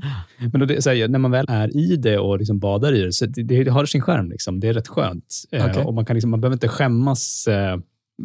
Det, det känns inte som att de skäms för att kopiera på det sättet som en liksom, västerlänning skulle göra. Man skulle känna att man behöver ha kommit med något, med något eget, men man kan bara släppa det. Liksom, och bara, Fast, ja, men, ja. Vi har gjort den bästa kombinationen. Men vill vi- man verkligen åka runt i en bil som är liksom som en sån här motsvarigheten till en kinesisk eh, teknologibutik, ni vet en sån där litet hörn på gatan där det är allt är bara stuffat från golv till tak. Liksom, och man kan köpa allt från Mm, en ja. ny Ja, diskmaskin det. till en Apple Watch. Liksom. Men alltså det som var speciellt här är att det, det betyder ingenting mycket av de här grejerna. Alltså när de Mm. pratar om designen, så här, det var bara alla de här modeorden. Så här, nu kommer jag inte på några. De säger så här, vår ikoniska färg. Det, var så här, bolaget startade 2014. De har inga ikoniska färger. Så här, Mm. Det där är direkt taget från Apple som, som man möjligen Ja. skulle kunna säga har lite ikoniska färger då, som har ändå hållit på i 40 Ja, år eller någonting sånt. Mm. Men det, det är bara meningslösa ord. Det bottnar inte. Nej, det gör inte det. Ja, men Exakt. vi- brukar väl tänka på liksom, bra design brukar ju vara liksom, eh, att, att fatta svåra kom, beslut i svåra kompromisser. Ja, att hitta den liksom, bästa avvägningen så att den här Mm. mm. lättviktsgrejen blir precis så lätt som den kan vara för att man Mm. har valt bort allt onödigt och så vidare. Liksom. Och det, Ja, men det är också lite att bra design inte syns. Ja. Heller. Liksom, Ja, men det är exakt, lite kill your darlings och så. Mm. Men här är det så här. Eh, inspiration från havet och en ängels vingslag, villfarelser över... vet jag bara. Ja, ja. Ja. Ja, Ja, nej, men men, det, det, det låter ju spännande helt klart. Och Sen var det ju lite kring, eh, kring hur själva presentationen var, var gjord, att de verkade lite nervösa och sådär också, eh, förstod jag. ja, absolut. Alltså, det, var, det, var, det, är värt att se det på nätet för att det, är- det är så lustigt på något sätt. Alltså, det är oerhört professionellt, eh, liksom tekniskt, men så innehållslöst. Och eh, De runt mig satt och gäspade och folk tittade ner i sina mobiler. Och efteråt var det någon journalist som hade sagt så här att var det det här jag åkte, lämnade mina barn för? Åkte hit. Oj då. Liksom. Oj. ja, Aj, aj, ja, men, aj. ja, men det, var mycket, det var hårt liksom efteråt. Ja. Men jag Men- tyckte det var kul att ha varit där i alla fall. men för Ja, det, det var väl ändå coola grejer som kom sen, för de har ju ändå en del helt egna grejer i det här bolaget Ja. som det känns som att ingen annan har. För de har ju allt. Vi lyssnar vidare va? I stort sett alla bilmärken har idag fina elbilar på marknaden. Så vad ska Nio göra för att slå sig in och hur skiljer sig Nio från andra bilmärken? Jag heter Kajsa Ivansson Sognefur och jag är Head of Power i Sverige på NIO. På NIO så ser man då att användarna ska få en väldigt bra upplevelse gällande laddning, att få in energi i bilen. Och det kan man få på olika sätt. Och därför har vi då liksom byggt upp ett helt ekosystem. Så vi har både hemmaladdare, snabbladdare och ett nätverk. Men batteribytesstationerna liksom är det nya, så alltså det är därför vi pratar mycket om dem. Men vi har ju alla liksom, delarna i laddning kan man väl säga hos oss. Och batteribytesstationerna som vi pratar om, det är att man kan få en upplevelse här med att det är till och med enklare eller smidigare än att tanka din bil. Tidigare har elbil liksom jämförts mycket att man vill målsättningen att det ska vara lika enkelt att ladda en bil som att tanka bensin eller diesel. Och här vill vi nästan ta det till en nivå till, att det tar bara fem minuter men du behöver inte ens gå ut ur bilen. Är det regnigt och blåsigt så sitter du kvar i din bil, den backas in automatiskt i stationen, Det tar tre minuter för själva bytet med batteriet, ungefär två minuter för bilen att backa in. Så efter fem minuter så har du ett fulladdat batteri. Ja, Nios batteribytarstationer är det som ska skilja Nio från mängden. Runt om i Europa ska det byggas hundratals små garage som rymmer 13 batterier var. Nios bilar kör in av sig själva och byter sedan batteri helt automatiskt på fem minuter. Den första svenska batteribytarstationen byggs i Varberg där arbetet redan pågår. Själva stationen byggs i Nios fabrik i Ungern och fraktas till Sverige där den slutmonteras. En batteribytesstation är ungefär storleken av två containrar och man kan liksom inte transportera två containrar på en lastbil. Så att man bygger ihop dem i moduler och sen så, då, så transporteras de på lastbilar upp till Sverige. Och där lyfter vi av dem och sen så när plattan är gjuten så lyfter man på modul efter modul. Jag och Ny Tekniks motorjournalist Felix Björklund fick låna en Nio ET7 och testade själva ett batteribyte i centrala Berlin. Händer någonting eller? Det kanske gick så fort så det är färdigt. Oh, Bilen som skulle få sitt batteri bytt backades automatiskt in i batteribytarstationen. Jag fick krypa alldeles intill vänster framhjul för att kunna titta ner under bilen. Plötsligt vaknade maskinen till. Men nu så, kolla här.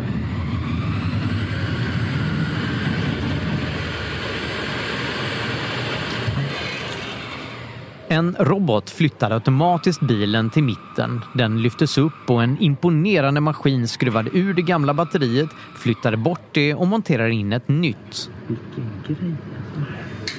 Det här är ändå fett. Hela batteribytet imponerade stort. Det gick snabbt och var väldigt enkelt. Fan vad modigt att släppa ut det här på skandinaviska vägar med snö och grejer. Grus. Ja, salt. salt. Under någon timme tittade jag på säkert tio batteribyten och det fungerade smärtfritt varje gång. Varför ska man då byta batteri i sin elbil istället för att bara ladda den? Jag ställde frågan till chefen för Nio Power, Fei Chen, som var på besök från Kina. Fei är chef för den del av bolaget som arbetar med snabbladdning och batteribyte. Your question is uh, why we put uh, so much time and energy on swap station. Maybe we should use the CCS because the charging is, is also acceptable. Uh, I think it's, uh, it's totally different. Fei Chen berättar att han åkt bil från Oslo till Berlin och att han fått sitta länge i bilen och vänta på laddning. Resan hade tagit 17 timmar där 3 timmar och 30 minuter hade använts till laddning. Han berättar att om det hade funnits batteribytarstationer längs rutten så hade restiden kunnat kortas med tre timmar. At least I can save three hours. Han menar att batteribyte är det enda sättet för elbilar att kunna konkurrera med bilar med förbränningsmotorer när det gäller tank eller laddtid.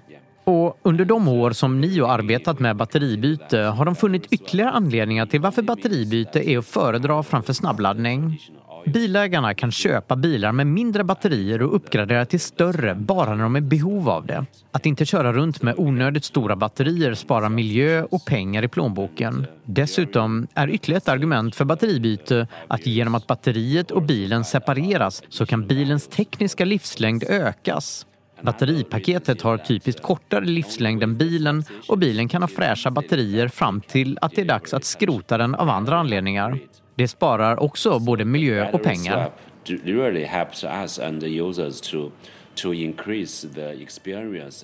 Jag känner mig fortfarande inte övertygad. Batteribyte är helt klart ett sätt att lösa snabbladdning som differentierar Nio från andra biltillverkare. Man menar att det är en premiumupplevelse att slippa gå ur bilen när det är dags att fylla batteriet. Men supersnabb snabbladdning ligger inte många år bort och vilken funktion fyller batteribytesstationerna när man kan snabbladda batteriet på samma tid? Det är inte heller nödvändigtvis en tidsbesparing att byta batteri. Man lämnar inte bilen utan måste sitta i den under de fem minuter det tar att byta batteriet. Först därefter kan man åka och parkera och gå in på restaurangen eller bensinstationen. Om du tänkt äta vid stoppet så har du fått eh, lägga både den tiden det tar att byta batteri och tiden det tar att äta, vilket gör att det blir ett längre laddstopp än om du hade snabbladdat istället. Om du bara tänkt köpa med dig en kopp kaffe så är du iväg oerhört snabbt. Med ett helt fullt 100 kWh batteri i bilen. Som tur är kan Nios bilar också snabbladdas med CCS, så man är inte bunden vid att byta batteri om man inte vill. En annan viktig anledning till batteribyte är att personer boende i lägenhet utan laddmöjlighet hemma ska kunna åka iväg och byta sitt batteri. Detta löser ett rejält problem idag för många som bor i lägenhet men frågan är om inte laddning i städerna kommer vara utbyggt innan Nio är färdiga med sitt batteribytarnätverk. Men det är inte nödvändigtvis slöseri av dyrbar batterikapacitet att låta batterier sitta och vänta i batteribytesstationer. Kajsa igen. Ni sitter ju då med batterilager i de här batteribytesstationerna runt om i Sverige. Ja. Hur tänker ni runt att det står massor med batterier oanvända på era batteribytesstationer? Ja, men där är ju batterierna och laddar upp för att kunna fyllas ut i bilen. Men vi, och vi tycker det är väldigt roligt för att det är ett stort intresse med dem vi pratar med. Liksom, här har ni ett färdigt batterilager, kan man använda det här? Och de dialogerna tycker vi är väldigt roliga att ha. Alltså att utveckla teknik och göra liksom en eh, lastbalansering av nätet. Så att det är ju en teknik vi håller på att prata om och som vi tycker är, alltså, den är ju superhet. Framförallt nu när vi har kapacitetsbrist och eh, de eh, diskussionerna. Mm. Här tar alltså Nio upp eh, tråden från eh, Elon Musk och Teslas projekt där man ju faktiskt byggde en batteribytarstation som floppade ganska rejält i Kalifornien för ganska många år sedan. Ja, det säger de i alla fall. Vi vet ju väldigt lite om den. De sa att det var ingen efterfrågan och så la de ner den sen i tysthet. Mm. Jag vill höra en förut, förutsägelse eh, Mm. vad som kommer hända här nu. Mm, berätta. Vi, har en, eh, vi har en batteribytarstation då på gång. Jag har sett bilder på den. Den, sitter, den är alltså precis eh, väg i väg med Teslas supercharger i Varberg. Just det. Mm. Eh, och min förutsägelse är att alla kommer stå och ladda i Varberg med sina nio. Om de nu har några nya bilar så kommer man ladda i Varberg och inte byta sitt eh, batteri. Ja, alltså grejen är att eh, vi har ju tidigare i programmet och kanske fortsätter kommer vara väldigt kritiska till batteribyte. Vi får höra vad ni säger alldeles strax om det. Jag måste säga att efter att ha sett det här i praktiken och de här väldigt professionella eh, liksom, robotarna som byter de här batterierna, hur snabbt och effektivt det är, så har jag börjat svänga. ska jag säga. Jag t- ser att det finns en plats för det här. Men inte möjligen, liksom, alltså, på, när man kör långresa så funkar det jättebra att ladda. Det har jag pratat om 400 gånger, 402 till och med. Eh, Men när man köper sin elbil, precis alltså med referens till det vi pratade om innan här. Du kan köpa en elbil med väldigt kort batteri. Det var faktiskt anledningen till att jag satt och tänkte på hur litet batteri skulle jag kunna ha i min bil för att klara resorna Mm. i vardagen. Om jag kan åka in och byta till ett större batteri när jag ska åka långt. Men det är inte varit- att du måste tillbaka på samma station då? Det Jo, blir men väldigt- jag väldigt brukar oftast åka hem eh, när jag har varit ute och rest. Ja. Okej, ja, jo, jo, men Ja. man kanske inte vill åka exakt samma rutt. Det är ju lite frihet där med att ha bil och så också. Jo, men om jag har en batteribytesstation nära mig så... Men jag, jag missade det så. så. Var det så, sa de det i reportaget, alltså att man måste tillbaks till samma station och lämna tillbaks batteriet man har? Nej, nej. inte i Nios modell för att de har en helt skruvad modell här med prissättning. Du, du äger inte den här bilen ens en gång utan du hyr den här bilen. Så att det är inte din bil, så du hyr batteri, du hyr eh, allt Mm. tänkbart och hela Exakt. bilen. Går att liksom. köpa. Mm. Och det är ganska dyrt. Jag tror den går in på 14 000 i start i månaden. Ja, men då är, det, då är det det. inklusive försäkring och allting då? Eller bara... Då är det inklusive allt, precis. Ja. Men det här är ju... Det var ju roligt för att Nio pratade ju där om att eh, deras users, allting utgår Ja. från deras Det, users. det där är en sån här typisk sak som är sådär, ja, men det har de bestämt sig för att det ska heta. Och Ja. ja. det tycker jag ändå kan vara rätt beslut. Liksom. Eh, så, men det, Ja. jag, Ja, reagerar men- också på det. Det är roligt, för, så här, våra users styr alla beslut vi tar, säger de. Och Så är det ju för alla företag. Alltså, vad är det för företag som inte anpassar sig efter kunden och vad kunden vill ha? De går ju under de företagen. Alltså Vi i Hälsa Hemma, vi provar ju all vår teknik på våra, våra kunder och, och sådär. Mm. De är ju med. Så är det för alla. Så det är inget unikt att ha med sig kunden, tänker jag. Eller vad säger du, Alfred? Nej, det, kändes ju, det känns ju som floskler och jag håller med dig Fabian. Det känns som att det, det är någon i någon företagsledning som har liksom snabbat upp den grejen på någon så här ledarskapskurs i Silicon Valley som de har varit på besök på. Och så, så bara, nu ska vi göra så. Och det roliga är, jag måste bara säga det här, det roliga är då att deras users ska vara då chatta i deras eh, mobilapp, har de tänkt sig. Och det som händer då i den här appen när de lanserar sina priser, då, som börjar på hyra bilarna för 14 000, går inte att köpa de här bilarna. Det är att det har varit helt dött i den appen. Inga users har hållit på att chatta i den här appen. Men plötsligt när de lanserar de här priserna, då bara, vad är det här för skit? Det var bara mängder med users stormade till och skrev ner det här. Liksom. Bara, vad fan, glöm det här. Oj, med. var du hört det ifrån då? Alltså, vi, vi, jag var ju där, vi satt ju och tittade i Jaha. appen när det här Nej, började ja, trilla man in. kan se allas. Ja. Okej, ja. oj, aj då. Det backfirade. Okej, Ja. ja. Ja, men så det, det är så alla Så det är som som ett forum med, då? Okej. Mm. Alla som jag pratade med som var där sa att det här kommer de få backa på. De kommer sälja sina bilar som alla andra gör. Det känns som att prisnivån är ju kanske på fel plats. då. Jag vet inte hur, alltså Volvo är ju också på att experimentera en del med det här att man ska liksom inte äga bilen. Och Gått det har också jättedåligt känts, för Volvo. Ja, det har Och- gått dåligt för Volvo med det. Det känns dyrt där också. Så det, det är som att Ja, men när det, man... det har inte med pris att göra. Vem hyr sin bil? Alltså Hertz har haft bilhyra i alla år. Du kan gå till Hertz och hyra en bil. Jag känner ingen som hyr sin bil från Avis eller Hertz. Du kan långtidshyra bilar där.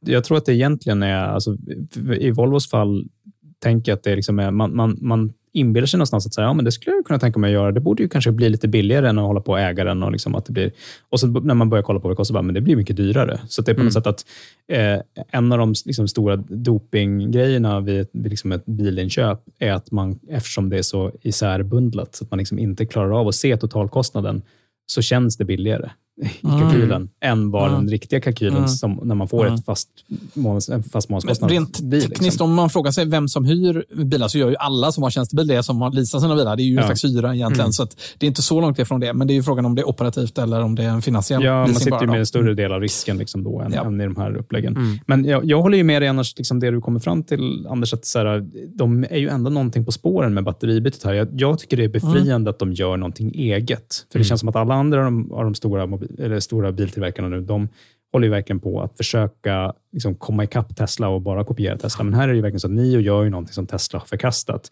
Ja. Och jag tycker att de eh, ändå verkar ha tänkt här. Någon, liksom, Mm. de, de har Mm. någonting att komma med som, som är kul och det ska bli spännande att se hur det går. Och Det är inte självklart att det kommer gå åt skogen, tycker jag. Det funkade jättebra. Alltså det känns lite som att det här mo- more is better går igenom hela det här bolaget på något sätt. För att, alltså, jag ser fram, vi är ju i startup-sfären eh, alla, alla tre här och, och jag och Anders som, som driver ett startup vet ju liksom hur det är när man ska göra sina pitch deck och man ska Mm. liksom, eh, ta fram alla sina fördelar med bolaget när man ska sälja det. Liksom, och det är eh, investerare och så in, inblandade. Eh, och då, då trycker man på vissa saker. Jag, jag, det, känns lite, det känns lite som att det här bolaget är lite skadat av att de pitchade till investerare på något sätt. Jag vet inte, är det bara mina eh, ögon som kanske jag har på med de glasögonen? Men det känns lite som att de, de har behövt visa alla de här nischerna som de ska fullfölja. Och så. Jag, jag tror inte en jäkel kommer använda de här batteribytesstationerna, men och som bäst så funkar det för att övertyga en och annan petrolhead som tänker så här, om jag har ändå den här batteribytesstationen, men så står det en, en superladdare bredvid och då kommer man ändå liksom i slutändan använda den för det är billigare och det går lika bra. Fast typ. de har ju redan hundratals sådana batteribytesstationer i Kina och de har ju genomfört hundratusentals batteribyten. Så det här är ju igång och används varje Jo, dag. men det här med, som du är inne på Anders, snö och salt och så. Visst, de har säkert snö och salt även i Kina. Men hur Norra fan, Kina där, jag undrar verkligen hur det fungerar i praktiken. Alltså, men de är ju under tak. Liksom. Man åker ju in i dem och byter. Liksom. Ja. Så att det, det, Jo, fast batteriet är ju helt Ja, det- packat. har du tittat här- under din bil när du är Mm. ute och åker i snöslask? Det är ju Mm. helt packat under med snö och slask under Och bilen. Det här problemet fick de i Norge för de öppnade sin första batteribytesstation i Norge för ett Mm. år sedan cirka. Så de har ju haft en vinter där och det funkade ju inte då. Så det de Nej, har gjort så. är att Mm. de har lagt på en underspolningsmaskin innan Ja, du åker in där. Ja. Mm. Så att de har löst det problemet nu så vitt jag förstod det när jag pratade med dem Ja, där. men, Men, då är det inte fem Mm. minuter, utan då är det plötsligt sju minuter istället. Eller det? Ja, det är möjligt, men det är fortfarande det är väldigt snabbt. Och De här maskinerna är grymt imponerande. Alltså när de har öppnat den i Varberg så rekommenderar alla att åka dit och titta. Det Ja, var jo, jo, det väldigt, häftig alltså, tech, det var lätt och det, går, ledigt. det går att se på Mm. YouTube också. Man måste inte åka till Ja, Varberg. just det. det är sant.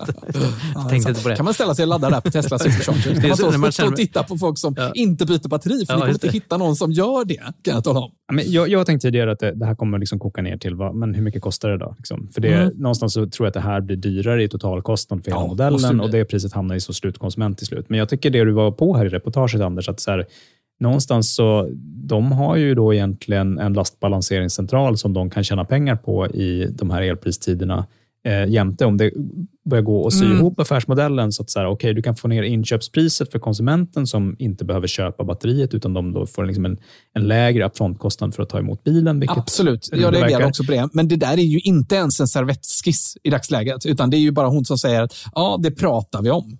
Ja, men jag, sa? jag, jag snappade inte upp på det reportaget, men jag har sett tidigare i hur den här kommande, som inte är då den här största lyxbilen, utan den, den lite mindre sedanen som är mer av en Model 3-konkurrent om jag Mm, minns rätt. ET5. ja. Eh, liksom, åtminstone, de, de ligger ju lite före i Norge än vad de ligger i Sverige och EU. Liksom. Men, Mm. men vad det ser ut i Norge så kommer ju den liksom, eh, vara avsevärt billigare i upfrontkostnad för slutkonsument om man köper den här modellen som också då inkluderar möjlighet till batteribyte. Eh, och Det tror jag kan vara i sig liksom en, en doping i att folk väljer den modellen. Om man då väl har tillgång till batteribyte, då tror jag mycket väl att det kan vara så att folk väljer att använda det på långresa. I Norge så säljer de de här bilarna då ju, för att där Mm. har man ju en, eh, en momssubvention som gör det väldigt billigt att eh, Just köpa elbil. Men en hy, hyrd elbil får det du inte så. den här subventionen på. Men de hyr Så- inte ut batteriet ens då? För det, det, Jo, annars har du det ju det problemet att du vill ha tillbaka Mm. ditt egna batteri. ju. Ja, men du kan välja att hyra batteriet eller, eller Okej. köpa batteriet i Norge också. Så att det är det enda landet där det ser lite annorlunda ut. I resten av Europa så planerar de sig att hyra ut de här bilarna. Men Mm. jag, jag satt faktiskt och tittade lite på, om du ska betala då 14 000 för en instegsmodellen av den här ET7 som, som i hyra. Men, det är ju också liksom deras Model S-motsvarighet. Va? Det är väl liksom Mm. den, alltså det är ju som, Ja, det är det. Hur många Ja, köper det- Mercedes S-klass? Liksom?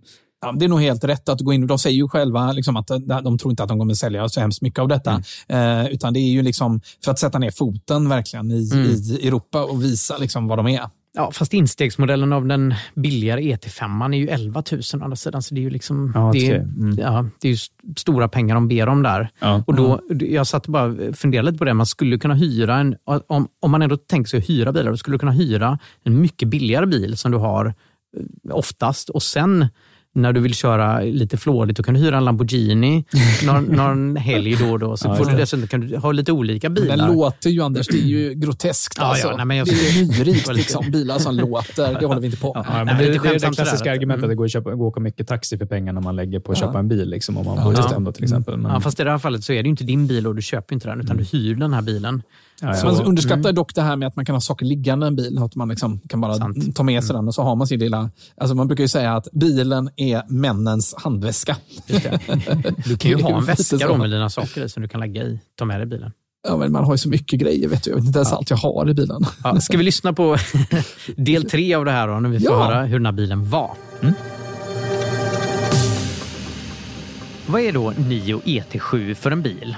Det är en stor sedan med snygga linjer som bland annat designats av svensken Andreas Nilsson. Det är en kinesisk elbil men teamet som designat och byggt den är utspridda över hela världen. Kvalitetskänslan är imponerande, långt bättre än man är van vid från kinesiska biltillverkare och bättre än vad Tesla fortfarande klarar av att åstadkomma. Hade jag inte vetat att det var en kinesisk elbil hade jag trott att den kom från vilken europeisk premiumbiltillverkare som helst. Utvändigt är linjerna snygga och luftmotståndskoefficienten, eller bilens CD-värde, ligger på imponerande 0,208. Det innebär att bilen är rejält aerodynamisk och har klassledande räckvidd. Nio ET7 kommer med batteripaket på 75 eller 100 kilowattimmar och i batteribytesstationerna kommer man kunna låna 150 kilowattimmars batterier när man ska ut på långresa. Den som klarar sig med ett 75 kilowattimmars batteri i vardagen kan lätt uppgradera när man ska ut och köra långt. Jag fick låna en ET7 som jag delade med Ny Tekniks motorjournalist Felix Björklund. Vad var det? Felix Magnusson? Björklund. Björklund, förlåt. Ja. Magnusson var Ja. det. Heter det? Det är första gången du kör den här bilen. Vad är första intrycket?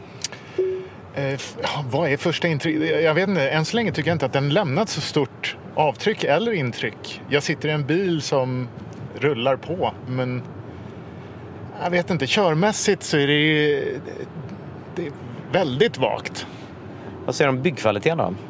Byggkvaliteten känns god. Det här är, vi, vi pratar ju ändå om en bil som i reda pengar skulle kosta runt en och en halv miljon. Så att byggkvaliteten känns bra. Det är inget, inget löst, inget rassligt. Ganska bra material överlag. Jag upplever att den här bilen är väldigt lik Tesla Model S på många områden. Hur många Tesla Model S-kunder tror du går över till Nio? Väldigt, väldigt få. Jag menar, det skulle vara att du, du var den som drabbades av måndagsexemplaret och som Elon förnedrade på Twitter för att du ska välja det här. Så, så tror jag. Alltså, när man har investerat i Tesla och den ekosystem och infrastruktur där. Så det här är inte ett alternativ på den nivån skulle jag tro. Bilen är enormt inspirerad av Teslas modeller. Som van Tesla-ägare känner jag direkt igen mig. Instrumentklustret bakom ratten ser nästan på pricken ut som det i Tesla Model S och X. Man har använt samma fonter, ikoner och placering av de olika objekten. När autopiloten är igång representeras omkringliggande bilar på exakt samma sätt som i Tesla-bilarna. Mittskärmen är också disponerad på samma sätt som Tesla Model S och X. Men nyalternativen är mycket lika Teslas och eftersom i stort sett hela systemet kopierats av Tesla så letar jag mig snabbt fram till de reglage jag söker. Mittskärmen är responsiv som vilken modern mobiltelefon som helst. Ingen plastig känsla eller seghet som man fortfarande hittar i många billigare elbilar på marknaden. Navigationssystemet fyller hela den stora mittskärmen på exakt samma sätt som hos en Tesla och förutom mittskärmen och instrumentklustret framför ratten finns en head-up-display som visar hastighet och navigation. Kvaliteten invändigt är hög. Allting sitter fast ordentligt. Man sitter bekvämt i stolarna och det är hyfsat hög kvalitet i materialvalen. Jag tycker att kvalitetskänslan är bättre än en topputrustad Nissan eller Kia, men man sitter inte alls så ombonad som i en Porsche Taycan eller BMW iX. Det potentiellt höga priset gör att man jämför den med Porsche och andra premiumbilar och där kan Nio ET7 inte riktigt mäta sig. Ventilationen fram och bak fungerar på exakt samma sätt som hos Tesla Model 3 och Model Y. Man styr hur luften ska spridas genom att dra den flödande luften på mittskärmen och luftflödet representeras på exakt samma sätt som hos Tesla-bilarna.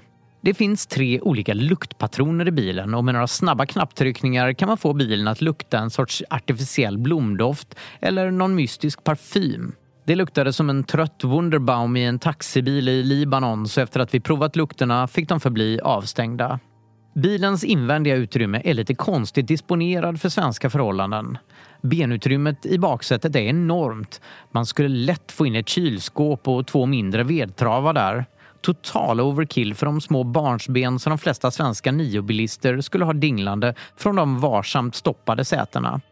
Det enorma baksätet går självklart ut över bagaget som inte är litet men som hade kunnat vara betydligt större. Bagageluckan öppnas inte heller uppe vid taket utan som ett litet brevinkast. Det gör att bilen inte blir riktigt praktisk för barnfamiljen som behöver ha med sig en cykel eller barnvagn. Det finns inget främre bagageutrymme, frunk, och heller inget utrymme under bagageutrymmet bak. Så när man har med sig mycket packning får man stuva i baksätet eller i en takbox. Ytterligare ledtrådar som pekar på att bilen anpassats för kinesiska företagsledare snarare än svenska barnfamiljer är att det inte bara finns massage i de främre sätena utan också i två av de tre sätena bak. Mitt namn är Mattias Lundgren och jag är chef för NIO i Sverige. Nio ET7 det är ju en stor eh, sedan så att vi vet ju att det här är inte någon stor volymdrivare. Men för oss är den oerhört viktig. Det visar vad vi går för. Den här målgruppen som den bilen riktar sig mot är väldigt kräsna eh, bilägare och bilnyttjare som eh, vill ha det bästa och det levererar Nio ET7. Så att vi är väldigt trygga i den här bilen. Nios autopilot fungerar riktigt bra på motorvägar. Redan i den här första versionen beter den sig ungefär som Teslas autopilot, det vill säga bland de bästa i klassen. På mindre vägar är den lite mer skakig men fungerar för det mesta bra. Nio har valt att ha LIDAR i sina bilar och på taket sitter också högupplösta kameror som ger bilen en väldigt god bild över sin omgivning. Tekniken för autonom körning fungerar riktigt bra redan i version 1 och genom att ET7 har stöd för uppdateringar over the air kommer självkörningen successivt kunna förbättras ytterligare. Detta är ett område där Nio verkligen briljerar och det känns svårt att greppa att bilmärket skapades så sent som 2014. Att få ihop så här kvalitativa bilar på den korta tiden är ett imponerande hantverk och bilen är definitivt värd att provköras. Slutligen måste vi nämna röstassistenten Nomi som sitter som ett litet huvud med blinkande ögon i en digital display på instrumentpanelens ovansida. Nomi reagerar när man säger Hi Nomi och vänder sig då till den som pratat. Hej Nomi! Hello! What time is it? Please say it in other words, and I'll try to help. Ti- time. The time or date. What date is it today? I hear you, but still cannot help. Sorry. Please try again later or use the manual control. You might want to turn the steering wheel gently. Otherwise, pilot will be deactivated. Du, du vet en av de här usparna var ju att eh, Nomi ska man ju ha för att det skulle vara lite personligt. Det ska inte vara I'll så- do everything to help you better next time. I know time. me. I know me. Be Hey. quiet. Be quiet, please. Oh, sorry. I don't get that. Sorry. Hej, hej Nomi. Start playing Hej Nomi. Hi Be quiet. Att det Please say this again, and I'll listen more attentively. Hej, hej Nomi. Quiet.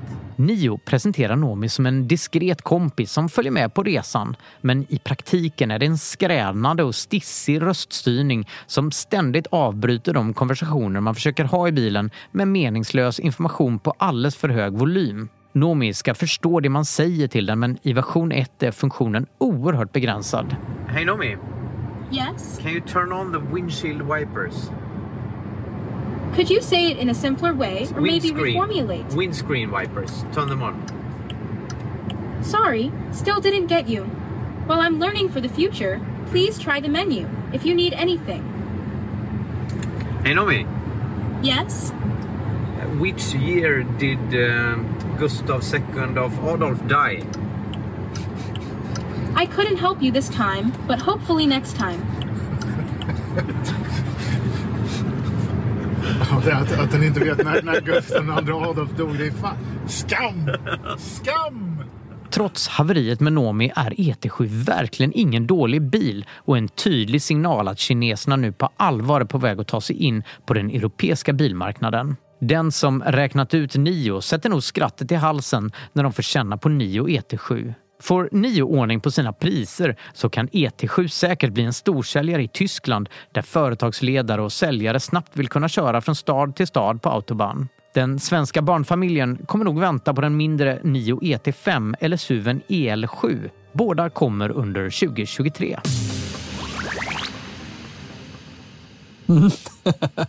ja, ni som har hängt med oss ett tag eh, i podden, ni vet ju att det här med att slå på vi- vindrutetorkaren är ju Ja. eh, lite av en klassiker i sammanhanget. Eh, Det gick ju inte så bra. Funkar det på Teslorna nu? Jag har inte Ja, testat ja, det länge. det tror jag, Klart. Mm, Den är ju inte bra på Teslorna heller. Men det, jag fattar inte varför man ger sig in i detta, att bygga en egen röststyrningsfunktion. För det är ju skitsvårt. Inte ens Mm. Siri är säkert bra. Liksom. Så, så ja, det här tycker jag... De Liksom, amerikanska jättarna är inte superbra på kinesiska, så jag tror ändå att de står sig rätt bra i konkurrensen liksom, mot andra Mm. på kinesiska. Mm. För den här är ju, karaktären är Ah. ju kinesisk från början Mm. såklart. jag gillar rösten måste jag säga. Den var, kändes väldigt naturlig dock. Innan vi går vidare, bara, jag, jag, jag har något viktigt där. 1632, slaget i Lützen. Det var Mm. då han dog. Eh, Ja, bara just det. vi inte Ja. förvirrar lyssnarna. Hej Alfred! Där, ja. Ja, men Det här är en toppenbil, alltså, måste jag säga. Helt fantastisk eh, byggkvalitet. Ja, vi ser hummersåsen har verkligen funkat här. Alltså. Ja, men, ja, vi har aldrig sett något liknande från, från kineserna innan. Och Den som du hade kört i Kina, eller åkt med i Kina eh, tidigare Nion, det är Mm. en helt annan bil. Alltså, det är en helt annan bil. Det är billigare, enklare. Byggkvaliteten och allting Okej. känns är simplare Så det är stor den. skillnad? Liksom, med- Gigantisk skillnad, Mm. absolut. Spännande. Eh, För, den, eh, heter den ES8, den stora SUVen? Ja. Precis, ja. Den var jag verkligen inte imponerad av. Jag har visserligen inte kört den, men jag har suttit i den och klämt och känt på den. Den, den Mm. kändes mer som en kinesisk bil. Det här är som vilken västerländsk bil som helst. Liksom när du säger det, vad är det? Liksom, är det ytmaterialen eller? Vad Allt. Liksom, Allt. Allting Mm. sitter fast. Det är ingenting knarrar, ingenting sånt. Och eh, Mm. Skärmen är superresponsiv. Det är snyggt visuellt. Alltså, ha- hade jag inte sett att det här var kopierat av Tesla så hade jag tyckt att det var grymt nyskapande och, och imponerande. Alltså, det här med, det här med liksom deras eh, autopilot också, som du var ganska imponerad av. Det var, Otroligt Ja. bra. Det- Alltså, jag, jag har inte kört. eh, Det är det Tesla. Teslas tycker jag är bäst av alla autopiloter som jag har kört. Den här är i par med Tesla. Det Mm. känns exakt, alltså de har kopierat känslan i ratten och allt det. Alltså det här är ju en, en klon av Tesla Model S, ska ni veta. Alltså Mm. den är Mm. Identisk på alla tänkbara sätt och vis. Förutom att den har en eh, sån här head-up-display och sen lite lukter som ni hörde där och massage Ja, alltså, i det är verkligen sätena. more is better. Alltså. more och den more, här ja. röstassistenten. Då. Men eh, alltså, jag kan ju ändå ställa mig frågan så här.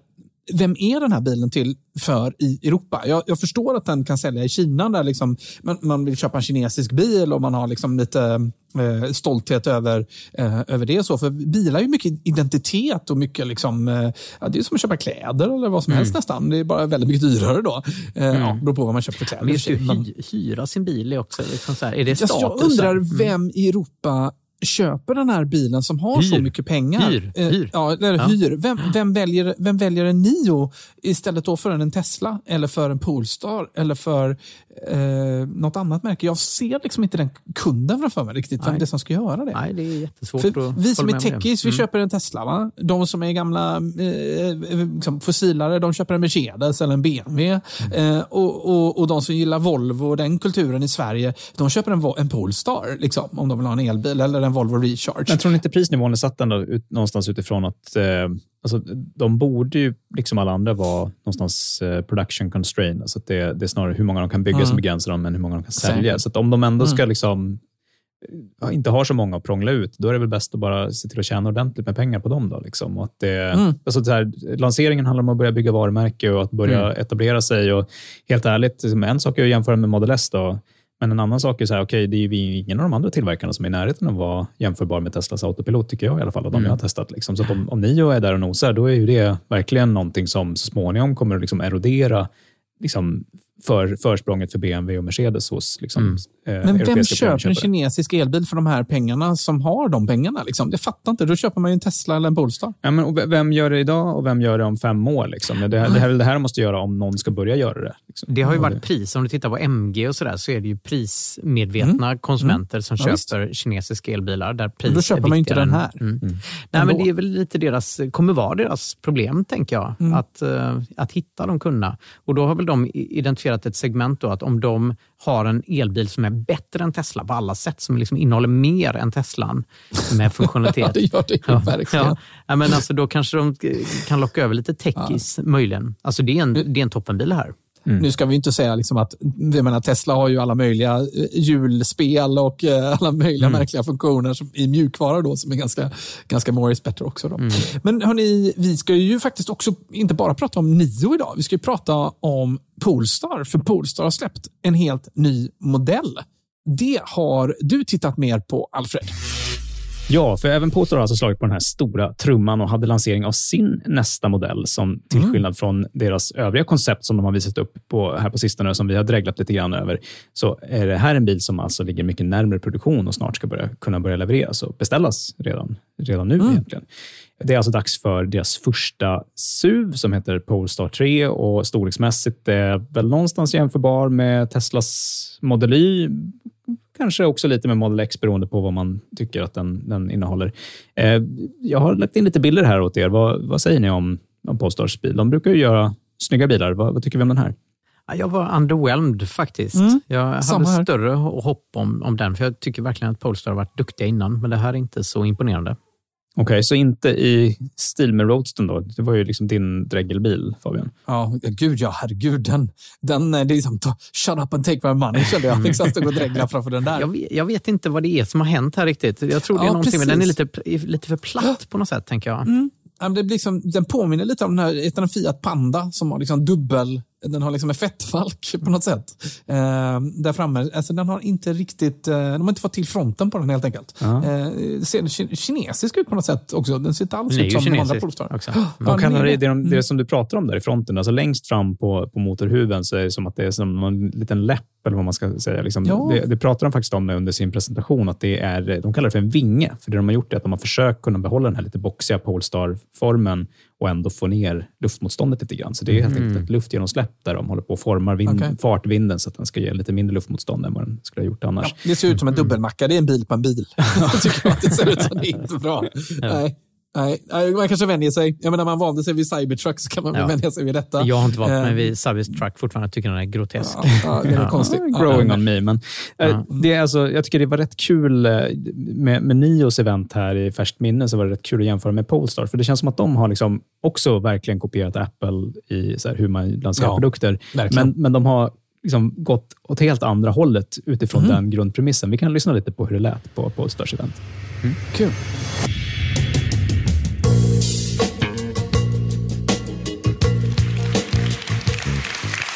Welcome to the world premiere of Polestar 3. The Electric. Whenever you saw the presentation of a new pure electric car in the last few years, there was a high focus on the specifics of electrification the battery, the new twist to the electric motor. Here tonight, I would love not to speak about whether we have a pouch cell or a prismatic cell. For once, I would love to speak as if we are beyond that already, as if electrification is normal, a given. There are five human senses sight, smell, feel, taste, and sound. Let us take them one by one and see what Polestar 3 has to offer for each of these five senses. Ja, jag gillar verkligen Thomas Ingelat, eh, CEO och vd på Polestar. Eh, och eh, den som um, tvivlar på det kan ju eh, lyssna på intervjun där jag intervjuade honom mm. för ett par år sedan. I och för sig på ganska långt avstånd eftersom det var covid-19. Men var, det var eh, jättekul att, att, att se honom. Vill man höra Fabian Starstruck så liksom Ja, men jag gillar honom som fan. Men, men här känner jag lite grann att det redan nu börjar bli lite flummigt och jag börjar känna lite den här känslan av, du vet som det var på 50-talet när man hade krängde bilar genom att ha lite så här lättklädda tanter framför på, på, på hyvarna och sådär. Mm. Eh, det, det, känns lite som att eh, eh, har man ingenting att komma med så börjar man prata så här fluffigt. Alltså, jag har klippt mm. bort ganska mycket suck och stön på honom. Så det, alltså, jag mm. tror att det är nervositet som kanske, kanske lyser igenom faktiskt. Men mm. Eh, jag har svårt att skaka av mig känslan av att anledningen till att de vill prata känslor och eh, vad det ska liksom ge för intryck av den här bilen och liksom röra sig bort från den här specifikationskavalkaden som vi fick av Nio. Mm. Liksom. Det är typ att de är inte riktigt konkurrenskraftiga på specifikationerna. Uh, så det är liksom, uh, om man om man kollar på, liksom, de ska ha 610 kilometers eh, räckvidd i VLTP. Det är ju ganska bra. Liksom. Det är ju bättre än de flesta, men för att åstadkomma det så måste de ha hela 111 kilowattimmar stort batteri. Så det är ett mm. gigantiskt batteri, liksom. mycket större än, än i de flesta andra. Så att, liksom, om man kollar på hur stort batteri de får skruva i, då är de ungefär 30 procent efter Tesla, då, liksom, om man använder dem som någon form av benchmark. Som, eller de är ju ledande. Liksom. Vänta, jag fattar inte. Du menar 30 procent sämre Räckvidd. Aerodynamik och så då? Ja, och alltså, drivlina kanske? De kommer 610 kilometer VLTP på 111 kilowattimmar. Om man tar Model mm. Y som är liksom ändå den närmsta jämförbara modellen, då kommer de alltså 533 kilometer, men på 75 kilowattimmar. Och Det är väl egentligen yeah. skitsamma för mig som konsument hur stort batteri som sitter där i om jag har betalt samma pris för bilen. Mm, men, men det kommer du inte Polestar göra. Kommer, dels så kommer inte du som konsument få den så billigt. Då. Eh, och för Polestar så blir det ju verkligen inte skitsamma, för för dem handlar det om vad de får för marginaler på att sälja mm. den här bilen. Om de måste skriva i ett 30% större batteri för att få samma räckvidd som, som Tesla, då kommer de att göra väldigt mycket sämre affärer än Tesla och få väldigt svårt Just att skala det. den affären. Så det är ju ett väldigt, väldigt stort problem helt enkelt. Men eh, är, den, alltså är det en Model X-stor bil eller Model Y-stor bil? Det är ju jätteviktigt vad du jämför den med. då. Ja, alltså av vad jag kan förstå så är det här en Model Y-stor bil som inte går att få mer än femsitsig. Eh, den är möjligtvis lite större än Model Y, men den är inte lika stor som Model X. Eh, och den kostar ungefär som en Model X. För det, svenska mm. startpriset är ändå presenterat och då är det 970 000 kronor. Vi ska komma ihåg att det är i alla fall det första släppet de gör som är liksom någon form av plusmodell, liksom som är ganska mm. välutrustad, mm. eh, som bara går att beställa då först i början. Sen, det kommer säkert komma liksom en lägre prissatt modell något år in i produktionen. Liksom. Men då är den ju också 30% dyrare i princip än vad Model är. Ja, exakt. Och de, mm. de anstränger sig ganska mycket i den här presentationen liksom att eh, liksom förklara varför det här är en, en, upplevelse på många sätt. Och De talar om de här fem sinnena. Liksom. Jag, jag tycker inte mm. vi har tid att kanske riktigt lyssnat på alla fem sinnena, men jag tog med mig eh, eh, hearing, eller sound och eh, sight har jag tagit med mig också. Som, Vad spännande. Vi, vi, vi lyssnar på, på... Ta sound först då, som är, okay. den känns som för dig. Mm. Ja, precis. Det är jag ju väldigt nyfiken på. Vad har de att säga om sinnet ljud? With expertise of Bauer and Wilkins, we created the most amazing sound experience in Polestar 3. A total of 28 speakers driven by a 28 channel amplifier with a total system power of 1,750 watts. Four months ago, I sat in the Polestar 3, standing in a sound lab, and the Bauer and Wilkins engineer sitting next to me, he told me how they had asked Kraftwerk to re-edit one of their albums with the new possibilities that are enabled with Dolby Atmos. What I experienced when I when he then started the music was mind blowing. Usually, music comes somewhere from the front, but this, it felt like the music was playing right in my head.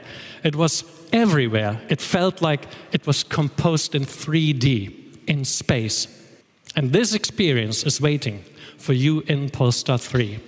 Uh, vad fluffigt det här var. vad, vad är problemet Fabian? Varför går det inte att resonera sådär som han gör? Uh, men alltså, så här till att börja med, vi, vi gillar ju det här med surround-ljud. Vi har ju pratat ju tidigare om det. Vi spelar ju in lite själva i den här binaural. binaural. Uh, uh, och det är ju egentligen bara två kanaler som är inspelat på ett speciellt sätt. Då. I det här fallet ska det vara 28 kanaler då, och kompatibelt med ljudstandarden Dolby Atmos. Problemet är ju att det finns ju ingen musik i princip. I princip ingen musik i Dolby Atmos. Jo, men Kraftwerk har gjort ett spår. Mm. Förutom Kraftwerk och kanske ytterligare någon. Faktum är att eh, den här Nio ET7 har Dolby Atmos. Och då hade han Ny Tekniks journalist som var med, han hade lite, ljud, eh, lite musik i Dolby Atmos. Mm. Och det var oerhört imponerande. Jag har aldrig varit med om en sån ljudupplevelse som där, liksom med, när man hör det från alla håll. Ja, man brukar säga att eh, ja, det här med hi-fi det är liksom homeopati för techis. Eh, och det är verkligen, verkligen så. Eh, jag har spenderat jättemycket tid för att eh, A B-lyssna olika ljudutrustning. för så här fungerar det med ljud, att det är väldigt, väldigt subjektivt förstås. Mm. Men så att man och, kan egentligen få samma effekt med ett klistermärke som det står Dolby Atmos på, på instrumentpanelen? Liksom, är det det du säger? Nej, det tror jag väl kanske inte. Men, nej, så att jag är väl lite så här, tveksam till det där. Men eh, jag menar, det är ju inte kanske att man köper en bil för en miljon för, för just det då, kan Mm. jag tycka. Då. Men vi har eh, mer sinnen, Alfred. Ja, absolut. Vi, ska vi ta synen också? Mm. Vem, ska, vem ska kritisera det här nu då? Någon som ser ja, bra? Ja, ja, precis. Nya glasögon. By far the most important sense is sight. And that is the very reason why design is the central and most important pillar that Polestar is built on. To introduce you to the pleasures Poster 3 provides to your eyes, I welcome the head of poster Design on stage.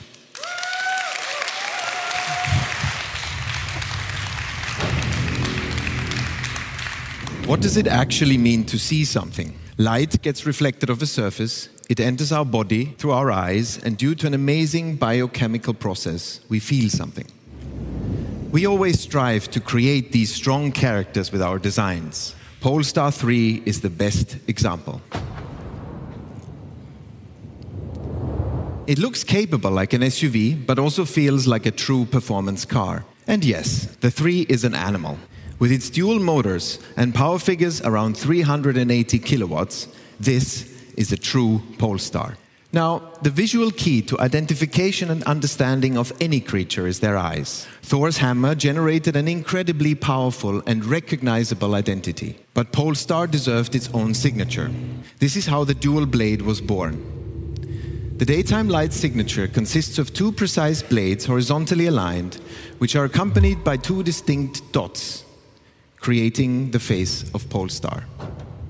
Mm. Jag, vill, jag vill bara rätta mig där och säga att det är då inte Fiat eh, Panda utan Fiat Multipla som jag menar. Där. Det är ju den de är uppenbarligen väldigt inspirerade av. Det, det ser man ju direkt. Men den är ju grotesk den. Det är ju den som har dubbla lager ögon där. Jag, jag tycker nu, nu överdriver ni lite. Så här, så här ful är inte Polestar Nej, 3. nej, Det, är- det, är en, det, är en, det är faktiskt en, en hyggligt snygg bil tycker jag. Eh, Det, det som de lite omständligt presenterar här, och jag, jag har kortat bort så mycket floskler, ni anar inte. För Oj att då, liksom- du har gjort det ändå. För det var tätt. Det, ja, exakt. Det, det duggade tätt ändå. Men det de presenterade här var alltså att eh, nu ska Polestar någonstans gå ifrån de här liksom Volvo-lamporna, Torshammare-lamporna som vi är vana att se på Volvo-bilarna. Och det de ska göra är att gå till eh, sin egen liksom, eh, signatur på hur deras ögon ser ut. Och det har ni, ni grabbar då sett på bild. Det är ju faktiskt, de, vi har inte tänkt på det när vi har sett de andra konceptbilarna, men de har ju samma då, signatur som de då kallar för double blade numera, då, som ska liksom vara Polestars egna lyktor och hur man ska Men känna vänta. igen dem på håll. Är inte detta Torshammare som den här bilen har, eller? Nej, de är ju liksom, kanske lite till förväxling lika Torshammare om man eh, liksom inte vet vad man ska kolla efter som För är det skillnaden. otränade ögat. Ja, eh, och Det är som att de överdriver mer i de andra koncepten. Men den här går ju då liksom, eh, om Torshammare är som ett liggande T, eh, så är det Polestars version då, då är liksom både den övre och den undre delen, de är separata och de kan vara olika långt ifrån varandra på de olika modellerna. Så att en del av de andra konceptbilarna som Polestar har visat upp, då är de här double blade, då är de här bladen då lite längre ifrån varandra. Så då finns det liksom ett utrymme mellan det som är det horisontella strecket på T i gamla Torshammar. Och där de också lägger till att det ska finnas två prickar liksom, eh, i, i lyktan. Då. Det, det är bra radio, liksom. det är svårt att förklara. Det. Ja, verkligen. Men, verkligen. men, men det, är i alla fall, det, det känns ju ändå som en här, nyhet att ta fasta på att nu, nu ska liksom utseendemässig skillnad mellan Polestar och Volvo ska ändå öka signifikant. Här. Det ska se mindre Ja. ut som en Volvo helt enkelt och det ska bli en tydligare distinkt liksom, visuell skillnad mellan de här. Ja, synd, måste jag säga. Ja. Jättesynd. Ja. Alltså, den Mm. fronten som Polestar 2 har med det där Ja. rutnätet. Och, Alltså, det, är Det är så snyggt, snyggt. jag. Alltså, det är så Mm. snyggt. Jag, var, när jag ser de Mm. bilarna fortfarande att jag vänder mig om när jag ser en Polestar 2 och tittar på den. Jag tycker den är skitläcker. Jag tycker de verkligen klantar till det här. Ja, nej, men på, jag håller med dig. Polestar 2 är ju en snyggare bil än Polestar 3. Sen så är ju å andra sidan de andra koncepten som vi har sett från Polestar som har den här double blade med större avstånd. De ser ju grymma ut. Alltså där, det förstår jag, har jag. ing, jag har ingen problem med liksom det utseendet där. Utan de, Men jag har de Polestar snygga. O2 den double blade menar vi då? Ja, men absolut. Eh, Det, det finns ju en, en bild här som... Om jag sitter och tittar på den nu, varför är den så jävla snygg då? och inte, varför får de inte till det? Ja, men där har de ju tagit steget längre. Då, så där är det typ Ja. en decimeter mellan de här bladen. I, på, Ja. på Polestar 3 så är det ju som att det fortfarande är Torshammare, att- Ja, fast inte riktigt. Liksom. Eh, Ja, det är därför det blir så dubbelt, ja. Mm. Så jag, jag vet inte vad, vad det är som saknas, men, men eh, det är i alla fall ett steg de tar. De hade såklart jättemånga andra vaga associationer runt de här sinnena som jag helt ärligt tycker att de kan vi, de kan vi hoppa över. Lukt undrar jag vad de sa på där. Hade de också Jo, de de- inspirerats av Nio där och en luktpatron i där? Det, var- de hade inte gått åt det hållet. De, hade istället, eh, de pratade om lack of smell snarare än eh, active smell. Liksom. Så det, Okej. handlar, om att rensa bort eh, stadens partiklar. Och sådär. På samma sätt jobbar de med lack of beauty och lack of insight. Då, Ja, nu, det är sent på kvällen. Fabian är stenhård här helt enkelt. Ja, nej, jag, jag tycker inte att den är snygg. Jag Nej. tycker verkligen inte att den är snygg. Men den är säkert bra på andra sätt. Det är säkert, den kommer sälja jättebra eh, och den är säkert jättedyr och det blir en statusmarkör att ha den säkert. Eh, Ja, jag, så- tycker, jag tycker det är synd faktiskt, för jag tycker att Polestar har gjort eh, massa andra saker rätt eh, här på sistone annars. Vi har, vi har ju pratat om att man kan vara ganska stolt över dem som svensk, för att det ändå känns som någonstans ett svenskt bolag, trots att det är Fast ett inte är kinesiskt det bolag med en tysk vd. Men någonstans känns det lite svenskt någonstans. Och det, men eh, jag tog med ett, ett ljudklipp till från eventet, för det var ganska talande att de inte är riktigt konkurrenskraftiga. De är inte på rätt plats med det här priset. Eh, Jag tycker ni ska höra hur det lät i slutet när de släppte prislappen, då, som jag, jag Mm. redan har avslöjat för er. Men så här lät det, när det hur det gick till på eventet och då är det ju i euro såklart. The price for the first year offer, including Plus and Pilot Pack, 89,900 euro.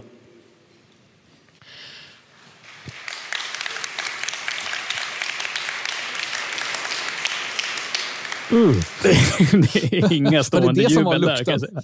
Lukten av pengar? Det var verkligen det var den lamaste applåden. Och, eh, sen det, går han ja. vidare med att eh, den ännu dyrare varianten har orangea säkerhetsbälten. Liksom. Att, det- Ja, okej. ja. Nej, det var, Vilket är jävligt snyggt i och för sig, men ändå. vi får se. Det, det känns som att eh, tyvärr så tror jag, alltså om, Model Y håller på att bli världens mest sålda bil, eh, så tror jag inte att Polestar 3 kommer att bli det om de inte eh, helt enkelt lyckas eh, spicea till erbjudandet på något sätt. Men får jag säga, bara för att väga upp, att jag tycker att Model Y är ful. Ja, nej, jag håller med dig. Jag tycker Mm. inte Model Y Mm. är snygg. Den ser ju också ut som någon form av lite tjock Varenda gång jag ser Model Y Mm. så tänker jag så här, vänta, är det en Model 3 eller är det en, vänta, det är något som är fel på frisyren. Mm. liksom. Men visst, Ja. visst fanns det verkligen så här, det fanns någonting som Polestar, för, för det är annars som, liksom, jag tycker om Tesla kän- känns ingenjörsstyrt och, Nio Mm. känns styrt av ingenjörer som har fått order från en hög chef att kopiera allas, alla andras bra idéer liksom, och ingen Ja. har riktigt så här, killer Fast de har. Nio har gjort det bra. Alltså, de har Ja. kopierat rätt saker, skulle jag Ja, de säga. det, ja. Ni får prov, provköra de där bilarna. Mm. Ja, det får vi göra. Mm.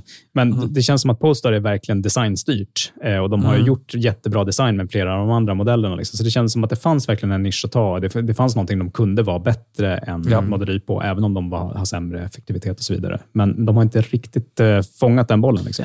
Får vi gissa att det kommer en eh, facelift på den här inom ett år eller två? kan det vara så? Att vi hoppas på den? Jag skulle säga att mitt problem med den bilen är inte fronten, det är att den är för platt.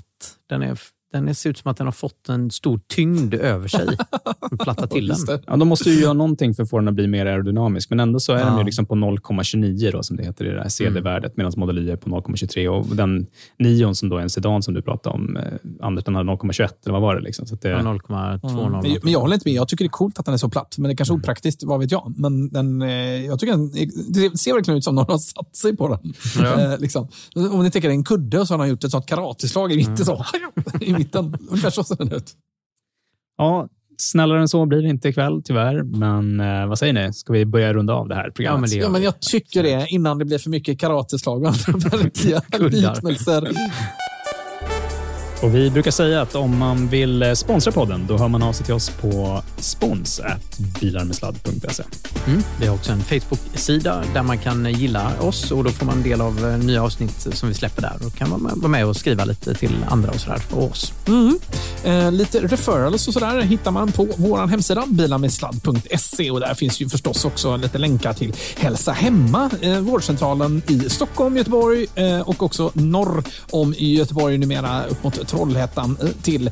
Eh, och då kan man ju lista sig på Alzheimer Hemma och då kommer vi hem till dig om du blir sjuk och så finns det ju alltid tryggt tillgängligt i appen förstås. Ja, det är verkligen något helt annat mot en vanlig vårdcentral. Lista er nu eh, så är ni redo inför höstens alla förkylningar och annat utmaningar. Vi kommer hem med elbilar ska sägas också. Ja, förstås. Ja. Och jag ligger och skruvar i de bilarna nu och kopplar in de här Autopie-doserna för att Just kunna, det, så vi ska kunna spåra dem och så att man kan se när vi är på väg. Och hjälp att byta luftfilter då, då vet jag. Ja, just det. Alldeles utmärkt. Tipsa gärna dina vänner och bekanta om podden också. Vi blir så glada för att ni blir fler och fler. Det är verkligen tydligt i statistiken, så det är jätteroligt att det är så många nya som kommer till oss och som får ta del av vår elbilskola nu. Mm, och glöm såklart inte att prenumerera på oss. Det gör du i Apple Podcaster om du har en Apple-telefon eller Spotify till exempel. Och skriv också recensioner. Det är så roligt att få varma, ja. goda hälsningar där. Ja, när jag har en dålig dag, då går jag in och läser de här recensionerna mm. och då blir man alltid varm i hjärta och själ. Eh, vi har en e-postadress, info snablabilarmedsladd.se eller våra individuella namn Alfred, Fabian eh, eller Anders snablabilarmedsladd. Och för redigeringen stod Umami Produktion. Nykomling, jättekul. Vad brukar vi säga när vi rullar ur de här programmen? Kör försiktigt. Vad säger du Alfred? Sladda lugnt och kör elektriskt. Hörrni, vi hörs igen ja. om två veckor. Hej då. Ha det bra.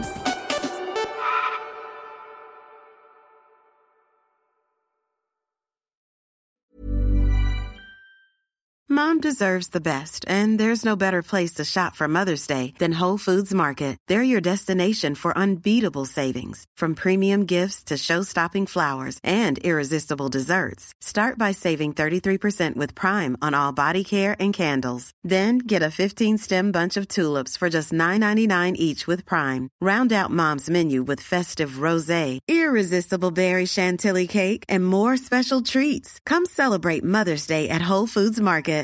Mom deserves the best, and there's no better place to shop for Mother's Day than Whole Foods Market. They're your destination for unbeatable savings, from premium gifts to show-stopping flowers and irresistible desserts. Start by saving 33% with Prime on all body care and candles. Then get a 15-stem bunch of tulips for just $9.99 each with Prime. Round out Mom's menu with festive rosé, irresistible berry chantilly cake, and more special treats. Come celebrate Mother's Day at Whole Foods Market. When you make decisions for your company, you look for the no-brainers. And if you have a lot of mailing to do, stamps.com is the ultimate no-brainer. It streamlines your processes to make your business more efficient, which makes you less busy. Mail checks, invoices, legal documents, and everything you need to keep your business running with stamps.com.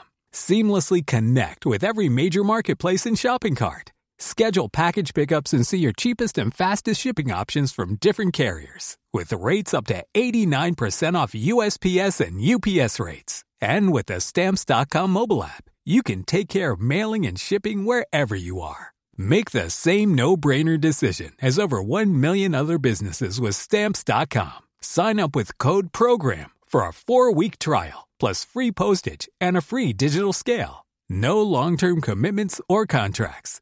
That's stamps.com. Code program.